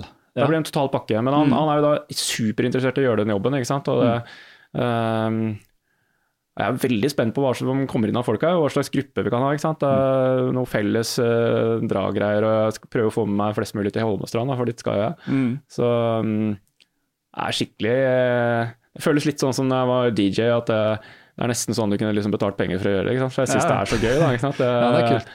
Um, jeg, digger, jeg digger opplegget, og de, de er så flere av de som har, så brenner så, de har så lyst til å få til dette. Mm. Uh, og det er jo kult. Men, uh, og det trenger jo ikke å være sånn at du må være på 1,20-tallet eller noe sånt. Du kan jo, det er jo også noen jeg følger opp som Det er ikke alle som har lyst til å være med i sosiale medier, men som er på 1,50, da. Mm. Som akkurat like lyst, ikke sant. Det, hvis du har den lysta da, der ute, ja. så Hvis jeg skal overleve på dette her, ja, ja, så trenger jeg noen det, jeg, jeg, trenger noen det. Jeg, jeg heier på, på, deg, og mange som gjør, gjør, sånne ting som det, for jeg syns det, det, er kult. Og det, det, er noe jeg tenker på selv også, eller holder på med selv. Uh, driver for seg selv og ja. Jeg tror at har du noe av verdi som du kan liksom bringe til noen, så, så er det vinn-vinn, da på mange måter. For det er det det handler om, samme om du liksom selger trening eller selger noe annet. Så det, liksom, det handler om å bringe noe av verdi, og det er liksom helt tydelig at det har du. liksom uh, Både det vi har snakka om, og det du skriver om i bloggen, og liksom så, så, det er ganske tydelig. Og, men det er én ting, for vi må avslutte snart, for vi har brukt så lang tid på å komme i gang. Jeg vet ikke om det er noen som skal ha dette studioet, men det er liksom klokka ett hadde jeg til, og nå er den åtte på. Men eh, liksom, eh, ok, en ting vi har snakka om, alt dette med trening og teknisk og sånn, det har du jo veldig på greip. Men liksom, når vi ut, når du kom inn på Roger, hva han het på Vestlandet Liksom, hvis, hvis, du, ja, hvis, du, har en mer sånn Trenger ikke være han, men liksom hvis du kommer Hvis noen hører det her, eller refererer Noen hører det her, refererer til noen andre som har snakka ja, det var kult å begynne å løpe og sånn, men kanskje aldri har løpt noe særlig, og har mye rare vaner rundt spising Eller rare, jeg ikke si rare, men kall det usunne, da. Hvordan, eh, Har du tenkt litt på det? At det kan komme liksom Da blir det litt mer livsstil enn kanskje bare løping, men du har jo sikkert noen tanker rundt det også. Veiledning hva gjelder livsstil. Da. For for mange så handler det om å bare liksom, bli kvitt noen dårlige vaner og begynne med noen nye ting. Og det er jo en hel vitenskap i seg selv på et vis, da. Men har du litt sånn øh, tanker rundt det òg? Ja, det, det, handler litt om gode og onde sirkler, tror jeg. Da. Mm. Komme i gang med Det er lettere å motivere seg kanskje til å bevege seg litt hvis du har et mål. Det er kanskje lettere å Jeg er veldig glad i mål, da, ikke sant? men at du at du tør å innse at nå har du sittet litt for lenge og sett på litt for mange Netflix-serier. Mm. Uh, sette seg et mål om at du skal bevege deg 30 minutter om dagen. Ikke sant? Hvis vi prater helt sånn begynne sånn mm. Eh, droppe å spise det som du, En, en potetchips, altså ja, potetchipspose til Netflix-serien hver ja, dag? Sånn som jeg prata med Roger om ja. senest dag, da, for vi prater mm. sammen mm. masse, liksom. Ikke sant? Mm. Eller sånn chatter. Um, det som skjer etter klokka halv åtte, liksom. Ja, der der uh, Ofte der der, der, der det ligger. Der, der man, det, er det, det, er i hvert fall der det kan settes inn i spor over tid, da. Det er der man synder, så Ja, ikke sant. Er, ja. så, men for å, for å, gjøre livet mitt lettere, da, så har jeg blitt sponsa Toppo-sko, da, hvis jeg får lov til å si det. Det har jeg hatt på meg i dag. Du, så vet du hva, ja, dritfornøyd med Jeg har holdt meg, altså, jeg har holdt meg så unna. Jeg har ikke fått en jeg har ikke fått en T-skjorte fra noen, jeg har ikke hatt lyst til å motta noen Nei. ting. Nei. Ikke det at tilbudene har liksom hagla, men jeg har har ikke hatt lyst til å være sånn ambassadør, for jeg følte at jeg var sånn shitboy, egentlig, som bare løper rundt med et sånn mm. flagg for noen for å få noen sko slengt mm. etter seg. Mm, mm. Men så det var egentlig Einar Hagermann som uh, tipsa meg om dette her. Mm. Han er en fyr jeg har, uh, har uh, veldig sansen for. Så uh, du skulle merke reklamen skikkelig, og det skulle liksom være ordentlig forhold. Da, og, mm. og, og da tenkte jeg fader heller, nå jeg har ikke prøvd det der men, det, men dette sammenfaller jo med, nå har ikke du hørt dette, men uh, Magnus Toru og jeg hadde avslutning uh, podkast, to deler nå, slutten av året. Oh, ja. mm. Magnus skaffa spons fra Topo, så det jeg har sagt, som jeg sa i forrige episode, kan jeg si igjen nå, at uh, de som tegner seg opp som patrions på podkasten i januar, er med i trekningen av et par Topo-sko. Ja, men Så bra, da. Her, det høres ut som vi har planlagt uh, med hånden på hjertet og dette finger crossed. Ja, ikke, men to, Magnus Tore er jo en av de ja, Jeg hørte faktisk på den pod, I og med at han liksom, vi er i på en måte samme laget på et vis, da. Ja. man skal heie på hverandre, så hørte jeg på den podkasten igjen, da, det lange løp. Ja. Jeg regner med at folk er, hører på hverandres podkaster her. Ja, uh, hvor han prata om Spartakon, hvor han hadde vært med og løpt. Uh, Spartaton. ja, det heter kanskje. Uh, nesten litt sånn tårer ja, kroken på slutten der når han kom inn. Sånn, uh, han forteller samme historien på denne podkasten. Ja, den, den, den, skal jeg også høre. Ja, det, er, det, det, morsomme er, bare for å si det for kontekst, at uh, når Magnus snakka med Jan Post på I det lange løp, så var det gått to uker siden løpet. Ja. Og jeg hadde tenkt å få han på podkasten, og sa jeg ok, vi, vi venter, liksom, skal han få slippe den podkasten. Men han sparte den helt til nyttårsaften. ja. Så det gikk en del måneder, kan si det gikk tre måneder da, fra Magnus var på langløp til han slapp eh, påkasten. Eh, eller intervjuet på påkasten. Mm. Eh, så innen den tid så hadde vi satt oss ned, så han forteller den samme historien, men med litt tid i retrospekt. Uh, så det er kanskje to versjoner. Men så har et, sagt. Ja. Jeg har et annet mål da, som jeg, ja. har, jeg har lyst til å vinne NM på 10 km gateløp. Oi. Og det er et oi, fordi at det fins ikke. Ok. Det er ikke 10 km, det blir ikke arrangert 10 km gateløp-NM. Ok, så hva gjør vi med det, holdt jeg på å si? jeg skal hive meg politikken i vold. Ja, ja, ja. Nei, jeg har så vidt prata med Men, forbundet jeg... faktisk og sagt at det bør man prøve å gjøre noe med. Ja, helt klart. Uten at de liksom sa sånn oi, nå ringer Jon og sier at vi må gjøre noe med det. Men, For at uh, når vi snakker om det og NM og sånt, så er det NM i halvmaraton, gateløp? Ja. Uh, så det er ikke noen grunn til at det ikke skal være 10 km? Nei, sikkert noen gode grunner. Er, når man spør sånn, så er det alltid noen uh, Det er noen som har tenkt på en grunn? Nå skal jeg passe meg så jeg ikke prøver å være noe frekk her, men det er Nei. en del sånne Det er jo en del regler som er uh, regler. Det var jo en større diskusjon som jeg greide å ramle inn i om av en eller annen merkelig grunn om uh, uh, altså Det merkelige var at jeg ramla inn i diskusjonen på et eller annet vis, men om uh, Jo, han som vant 24 timer var det, det... ikke han som kom først i mål. Nei, ja, selvfølgelig eh, Bislett. Bislett ja. uh, han Allan Hovda vant, og så ble uh, Jo Inge ja, og det, Norum han heter? Det, prøvde jeg, det var det som jeg diskuterte over, så bare tok jeg, eller, tok jeg kontakt med Friidrettsforbundet for å høre liksom om, om, reglene. Ja. Og så la jeg det ut på et eller annet forum. For det er jo regler, liksom, og det er på en måte veldig forståelig for de som forstår reglene. Altså, du skal være medlem av en klubb, da. det er bare å mm. melde seg inn på en, en klubb. Mm. Uh, jeg angrer litt for at jeg begynte å rote rundt det, for det liksom ikke er én ting som virkelig ikke er mitt uh, bord. Mm. altså så er det hvem pokker som vinner. Uh, ja. Men det, er, det, gjelder, det, samme gjelder jo i alle andre løp. Det var ikke spesielt ultrafolk her liksom tenker at de er veldig annerledes, annerledes men det gjelder faktisk akkurat de samme reglene ja, ja, for absolutt alle andre. Ja, det er samme forbund.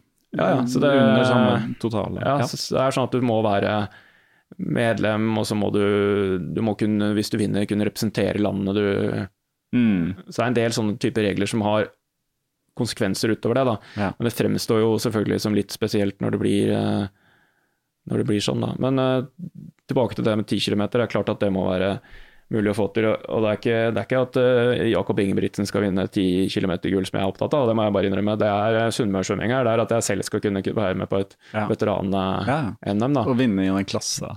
Ja, og det, og det er, og da er det femårsklasser ikke sant? Ja. ja. og det er ikke engang å vinne. Det er egentlig bare at det har vært kult hvis det kunne være ja, ja, Det er bare, bare, bare, kult å si, for det, det, fordrer jo at det faktisk blir et løp. Mm. hvis ikke så er det jo veldig vanskelig å men, men, sjekk litt opp i det, da. kan vi komme tilbake til det som en sånn ting. Ja. Eh, kuriositet. Jeg tror vi har vært gjennom mye. Vi skulle jo prate, litt om, uh, skulle prate om musikk og kultur og sånn. Det må vi, bli før opp, det altså. Det må vi bare spare. Og det, det er litt morsomt, for et, etter du var sist på påkassen, så er vel en av de lengste kanskje to timer 20, eller nei, kanskje enda lenger, da. Uh, og da var det også sånn at vi maila litt og sa kommer alle innom musikk og sånn. Uh, for du er veldig glad i musikk, det vet jeg, og du hadde jo på Facebook posta du julekalender, et nytt band hver dag. Så jeg, jeg må si jeg var ganske imponert over hvor oversikt du hadde å være en mann i din alder, da. For at jeg er også en sånn, du vet, sånn indie, ikke sant. Veldig mm. opptatt av musikk, men det merker jeg har falt litt av de siste åra. At det blir gjerne at research ikke så mye nytt. Det blir litt sånn når et av de favorittbandene mine gir ut noe nytt, så, så hører jeg på det. Ja, nest, nesten alt jeg hører på er nytt, da. Ja.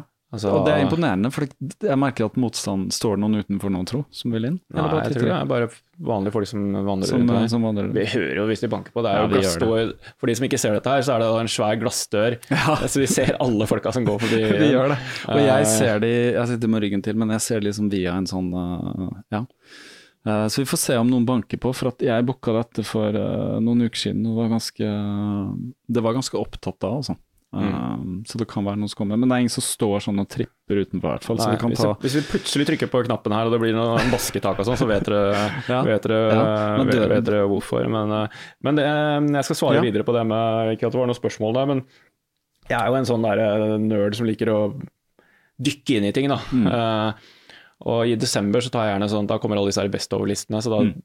For det er jo, jeg har jo hull jeg, i min musikalske oversikt som ikke ligner grisen. ikke? Så da, da går jeg gjerne gjennom noen sånne forumer og sånn, og så kan jeg liksom skrive opp f.eks. 25 band. mm. Så hører jeg gjennom alle de 25 mm. bandene. Mm.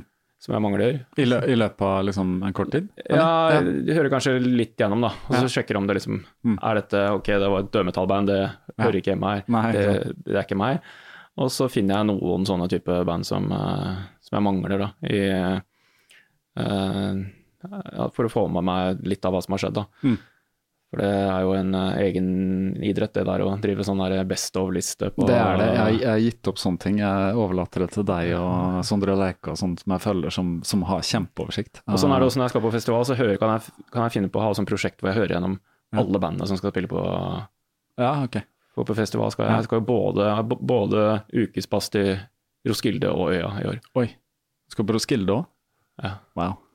Vi bor ikke nei da, vi bor ikke i gjørma og sånt noe. Nei, nei, vi vandrer rundt der som, to, som gamle, gamle menn og Hvor, koser oss. Bor du da inne i, på hotell i Roskilde? Ja, vi har bodd eh, Jeg reiser sammen med noen som er der for ja, De begynner å nærme seg 30 år på rad. Ja.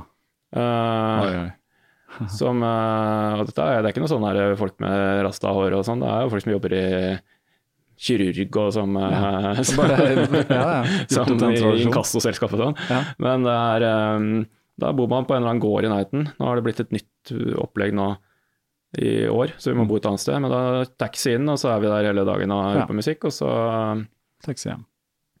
Og da, jeg, det, er liksom det, det, er derfor jeg sitter her nå, tror jeg, egentlig, fordi jeg har, jeg har den derre Når jeg først liksom får et sånt prosjekt, da, så blir jeg helt mm. uh, ko-ko. da, så Sikkert ikke sunt på fem flate øre, men uh, da går jeg så inn i det liksom, og forbereder meg så godt og, ja.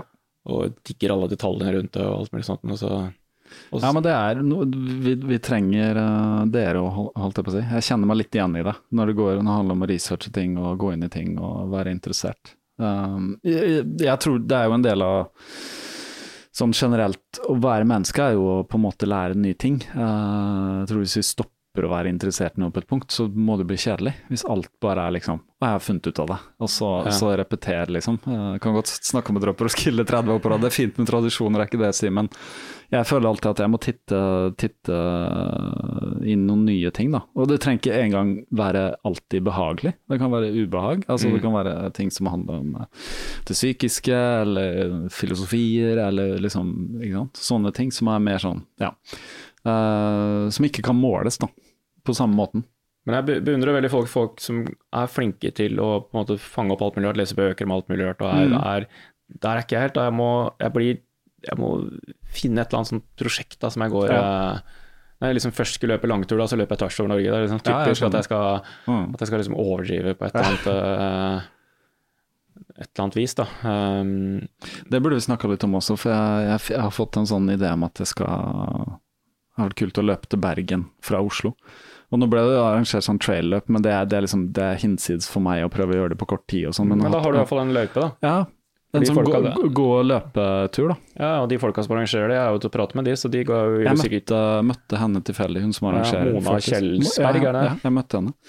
Så tilfeldigvis i en Ikea-kø, liksom. Eller vi skulle hente noe på sånn lager Ikea. Så det, det var morsomt. Det er for øvrig de samme som arrangerer Blefjells beste, som er et ja. av de løpene jeg har løpt siden sist.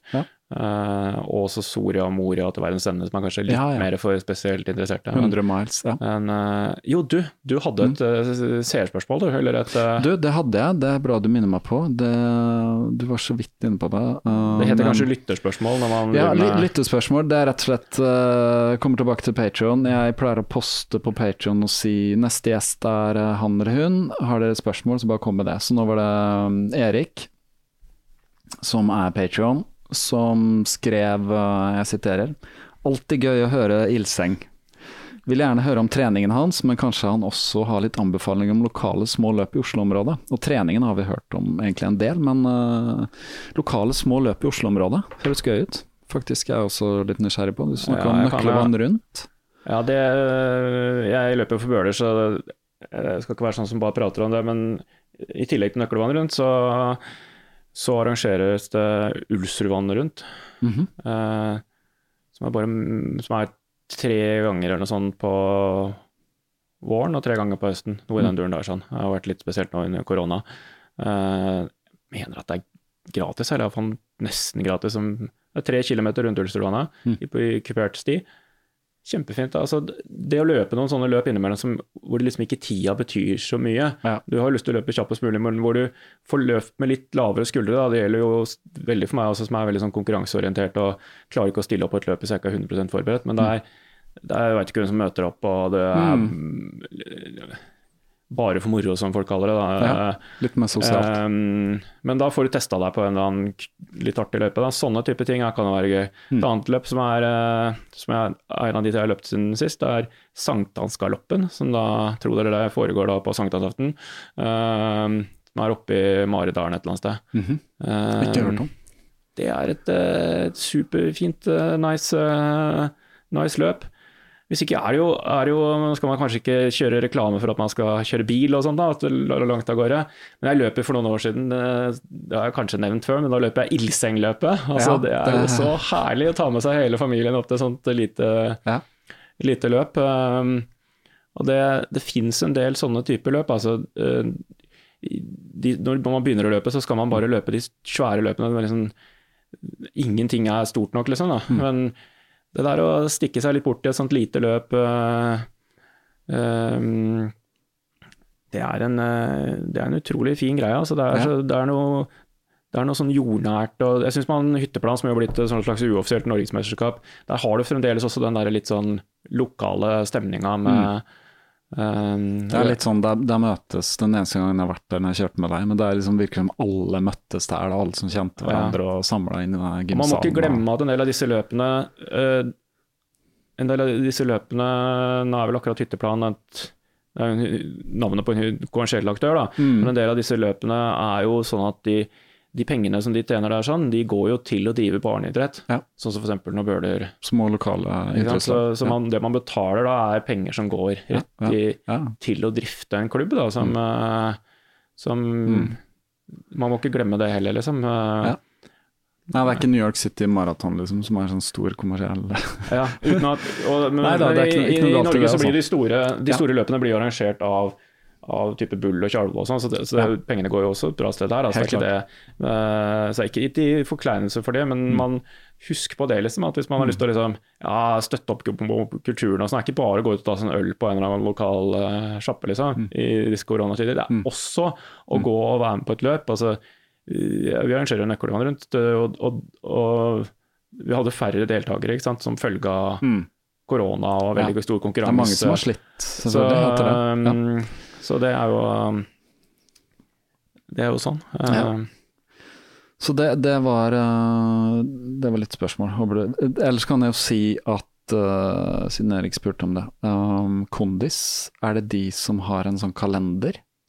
Ja, på Kondis så skal jo jeg vil jo absolutt anbefale En veldig enkel alle, nettside som ikke er oppdatert på lenge, eller er det en annen? Nei, nei, det er Kondis. Kondis Kondis.no, så, mm. så, er det en oversikt uh, over alle løpene. Ja. da kan se, du velge inn på kommuner og tidsperiode ja, og alt, alt sånt. Jeg, jeg, vil jo også, litt i forhold til det vi snakka om i stad, Altså, jeg er medlem av Kondis. Det er, ja. Eh, jeg blogger jo via Kondis, ja. men jeg får ingen penger fra derfra, altså, jeg har ingen kommersielle hensikt i det hele tatt med å si det jeg sier. Mm. Men noen få aktører hadde det vært fint som ikke var rent kommersielle, som drev og ordna i den bransjen vår. Mm. Så hvis man har lyst til å putte inn pengene noe sted, så, så uh, syns jeg Kondis hadde vært et uh, fint sted. Det mener ja. jeg helt seriøst. Altså, det er uh, Noe må man uh, Noe må man gi tilbake. Noe må man gi tilbake, du, du, du har helt rett i det. Uh, skal vi da si at vi har liksom kjenner vår besøkelsestid, som det heter? Um, du er redd for at det kommer noen og gir deg ja, altså det, det, som kan være fint, er bare å avslutte uh, sånn uh, offisielt her og nå, i hvert fall. Og så tenkte jeg um, må ta et lite bilde og sånn. Uh, også når man nesten setter opp en uh, Så hvis det kommer noen inn, så sitter vi i hvert fall ikke og er sånn der vent, vent litt, jeg skal bare avslutte podkasten, og så har den faktisk ja, ja. Jeg Men, heter forresten eh, Over terskel, for de som ikke vet det, på, på Instagram. Du heter Over terskel, jeg skal lenke til deg. Um, Også, jeg skal lenke til bloggen din. Det gjør jeg i da podkastnotatene. Ser du Vet du hva, det lurer jeg på. Ser Hører du på podkast, eller? Hører du på podkast? Ja, selvfølgelig hører jeg på podkast. Ja, ja. Jeg kan ikke sitte her og si at jeg hører på podkast.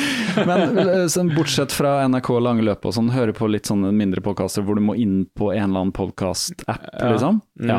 For at ofte, ikke sant? For at ofte så linker jeg deg på podkastnotatene, men da må du liksom opp på telefonen, så må du klikke ikke Er du bevisst? Dette er bare helt sånn spørsmål rett ut av ingenting. Nei, det er ikke alltid jeg, Nei, ikke alltid jeg ser de tingene som står noe sted, kanskje. Nei, ikke sant. For det, for det er ofte som som da, jeg, I hvert fall, da, når jeg har fått undersøke det, jeg linker til uh, bloggen og jeg linker til uh, Instagram.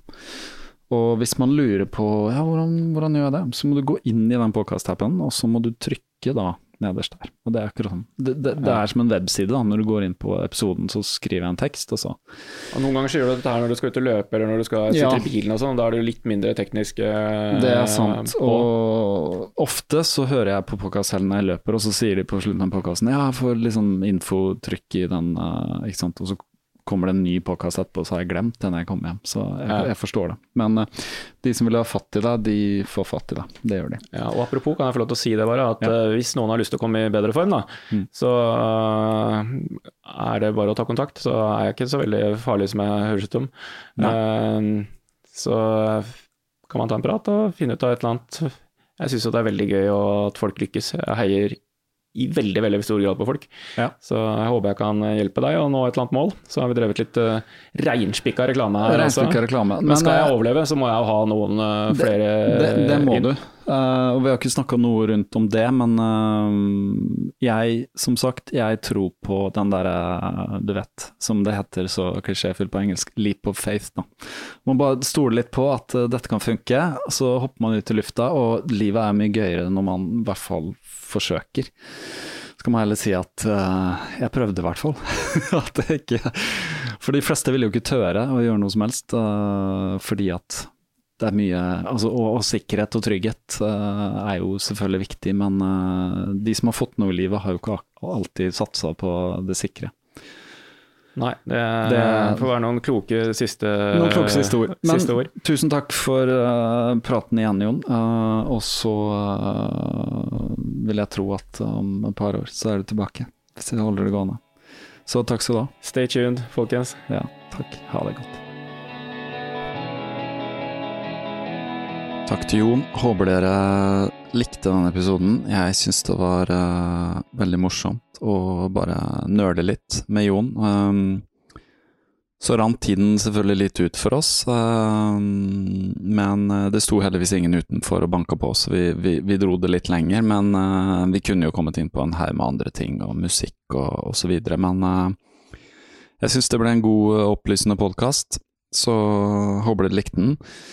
Uh, hvis dere gjør det, så selvfølgelig fortell om det til andre. Det er uh, ofte sånn, muntlig kan man fortelle om ting, og dere kan dele på sosiale medier. Alt sånt hjelper jo for å gjøre podkasten synlig. Det gjør det. Så jeg uh, skulle nevne, som jeg sa i introduksjonen, at jeg var på Bislett 24 i fjor, som dere har hørt hvis dere har hørt på episoden med Magnus. Jeg tok med kamera og tok en god del bilder. Og de bildene er av uh, en helt egen karakter. Dokumentariske foto fra Bislett 24 som jeg tok i løpet av Ja, i timene som gikk fra kanskje en rundt uh, fire timer til en seks-sju eller noe sånt, uh, var jeg aktiv med kamera. Så da, da var jo de fleste ute på banen, så jeg tror jeg eksponerte kanskje 500-600 bilder, som man gjør når man er fotograf, og ja, når ting er i bevegelse og sånn. Jeg plukka ut de beste, uh, som er ganske mange. Uh, jeg tror det er en 180 stykk. Um, og de vil jeg gjerne dele med dere. Uh, jeg har lagt de ut på en uh, sånn webside fra Adobe Lightroom som jeg bruker, annet til redigering av bilder. Den linken uh, er jo ikke noe vits å si her, for den er for kompleks, men hvis du vil ha den linken, så går du inn på episoden du hører på nå, i det som heter notatene på, på podkasten. Så hvor enn du hører, så skal det være mulig å lese teksten som er lagt til podkasten, og der ligger det en link. Og hvis ikke du finner den linken, så kan du bare sende en mail til meg, kaptarepodkast.gmail.com. Jeg har tenkt litt på Disse bildene er av veldig god kvalitet. De er tatt med et speilreflekskamera i 28 megapikslers oppløsning, og er uh, med et veldig godt objektiv, så de er veldig skarpe. Uh, selvfølgelig er det litt bevegelse i noen av de, men de har veldig høy kvalitet. Så hvis du ser et bilde av deg selv og har lyst på det, så vit at jeg sender deg filen i maks oppløsning, så dette er mulig å, å lage en print av osv. også. Selvfølgelig, på sosiale medier er jo der de fleste vil dele, men bare så det, bare så det er sagt, det er ikke noe som har tatt med telefonen eller sånn. Så jeg tenkte litt på det her med prising, men uh, det kan vi komme tilbake til. Men uh, en liten symbolsk sum for den jobben, og så går alt av inntekt fra salg av de bildene til å drifte podkasten. dette er et soloprosjekt, og gjennom Patron og litt forskjellig så er det mulig for meg å drive denne podkasten videre. Så er det sagt. Um, ellers er det bare å følge med. Uh, kommer ny episode uh, om rundt to uker. Regner med at jeg får gitt ut to episoder månedlig framover, som er uh, en anselig mengde i løpet av et år. Så nå er det bare å si god løptur videre og stå på. Send en mail eller send meg en på Instagram om det er noe dere har lyst til å dele.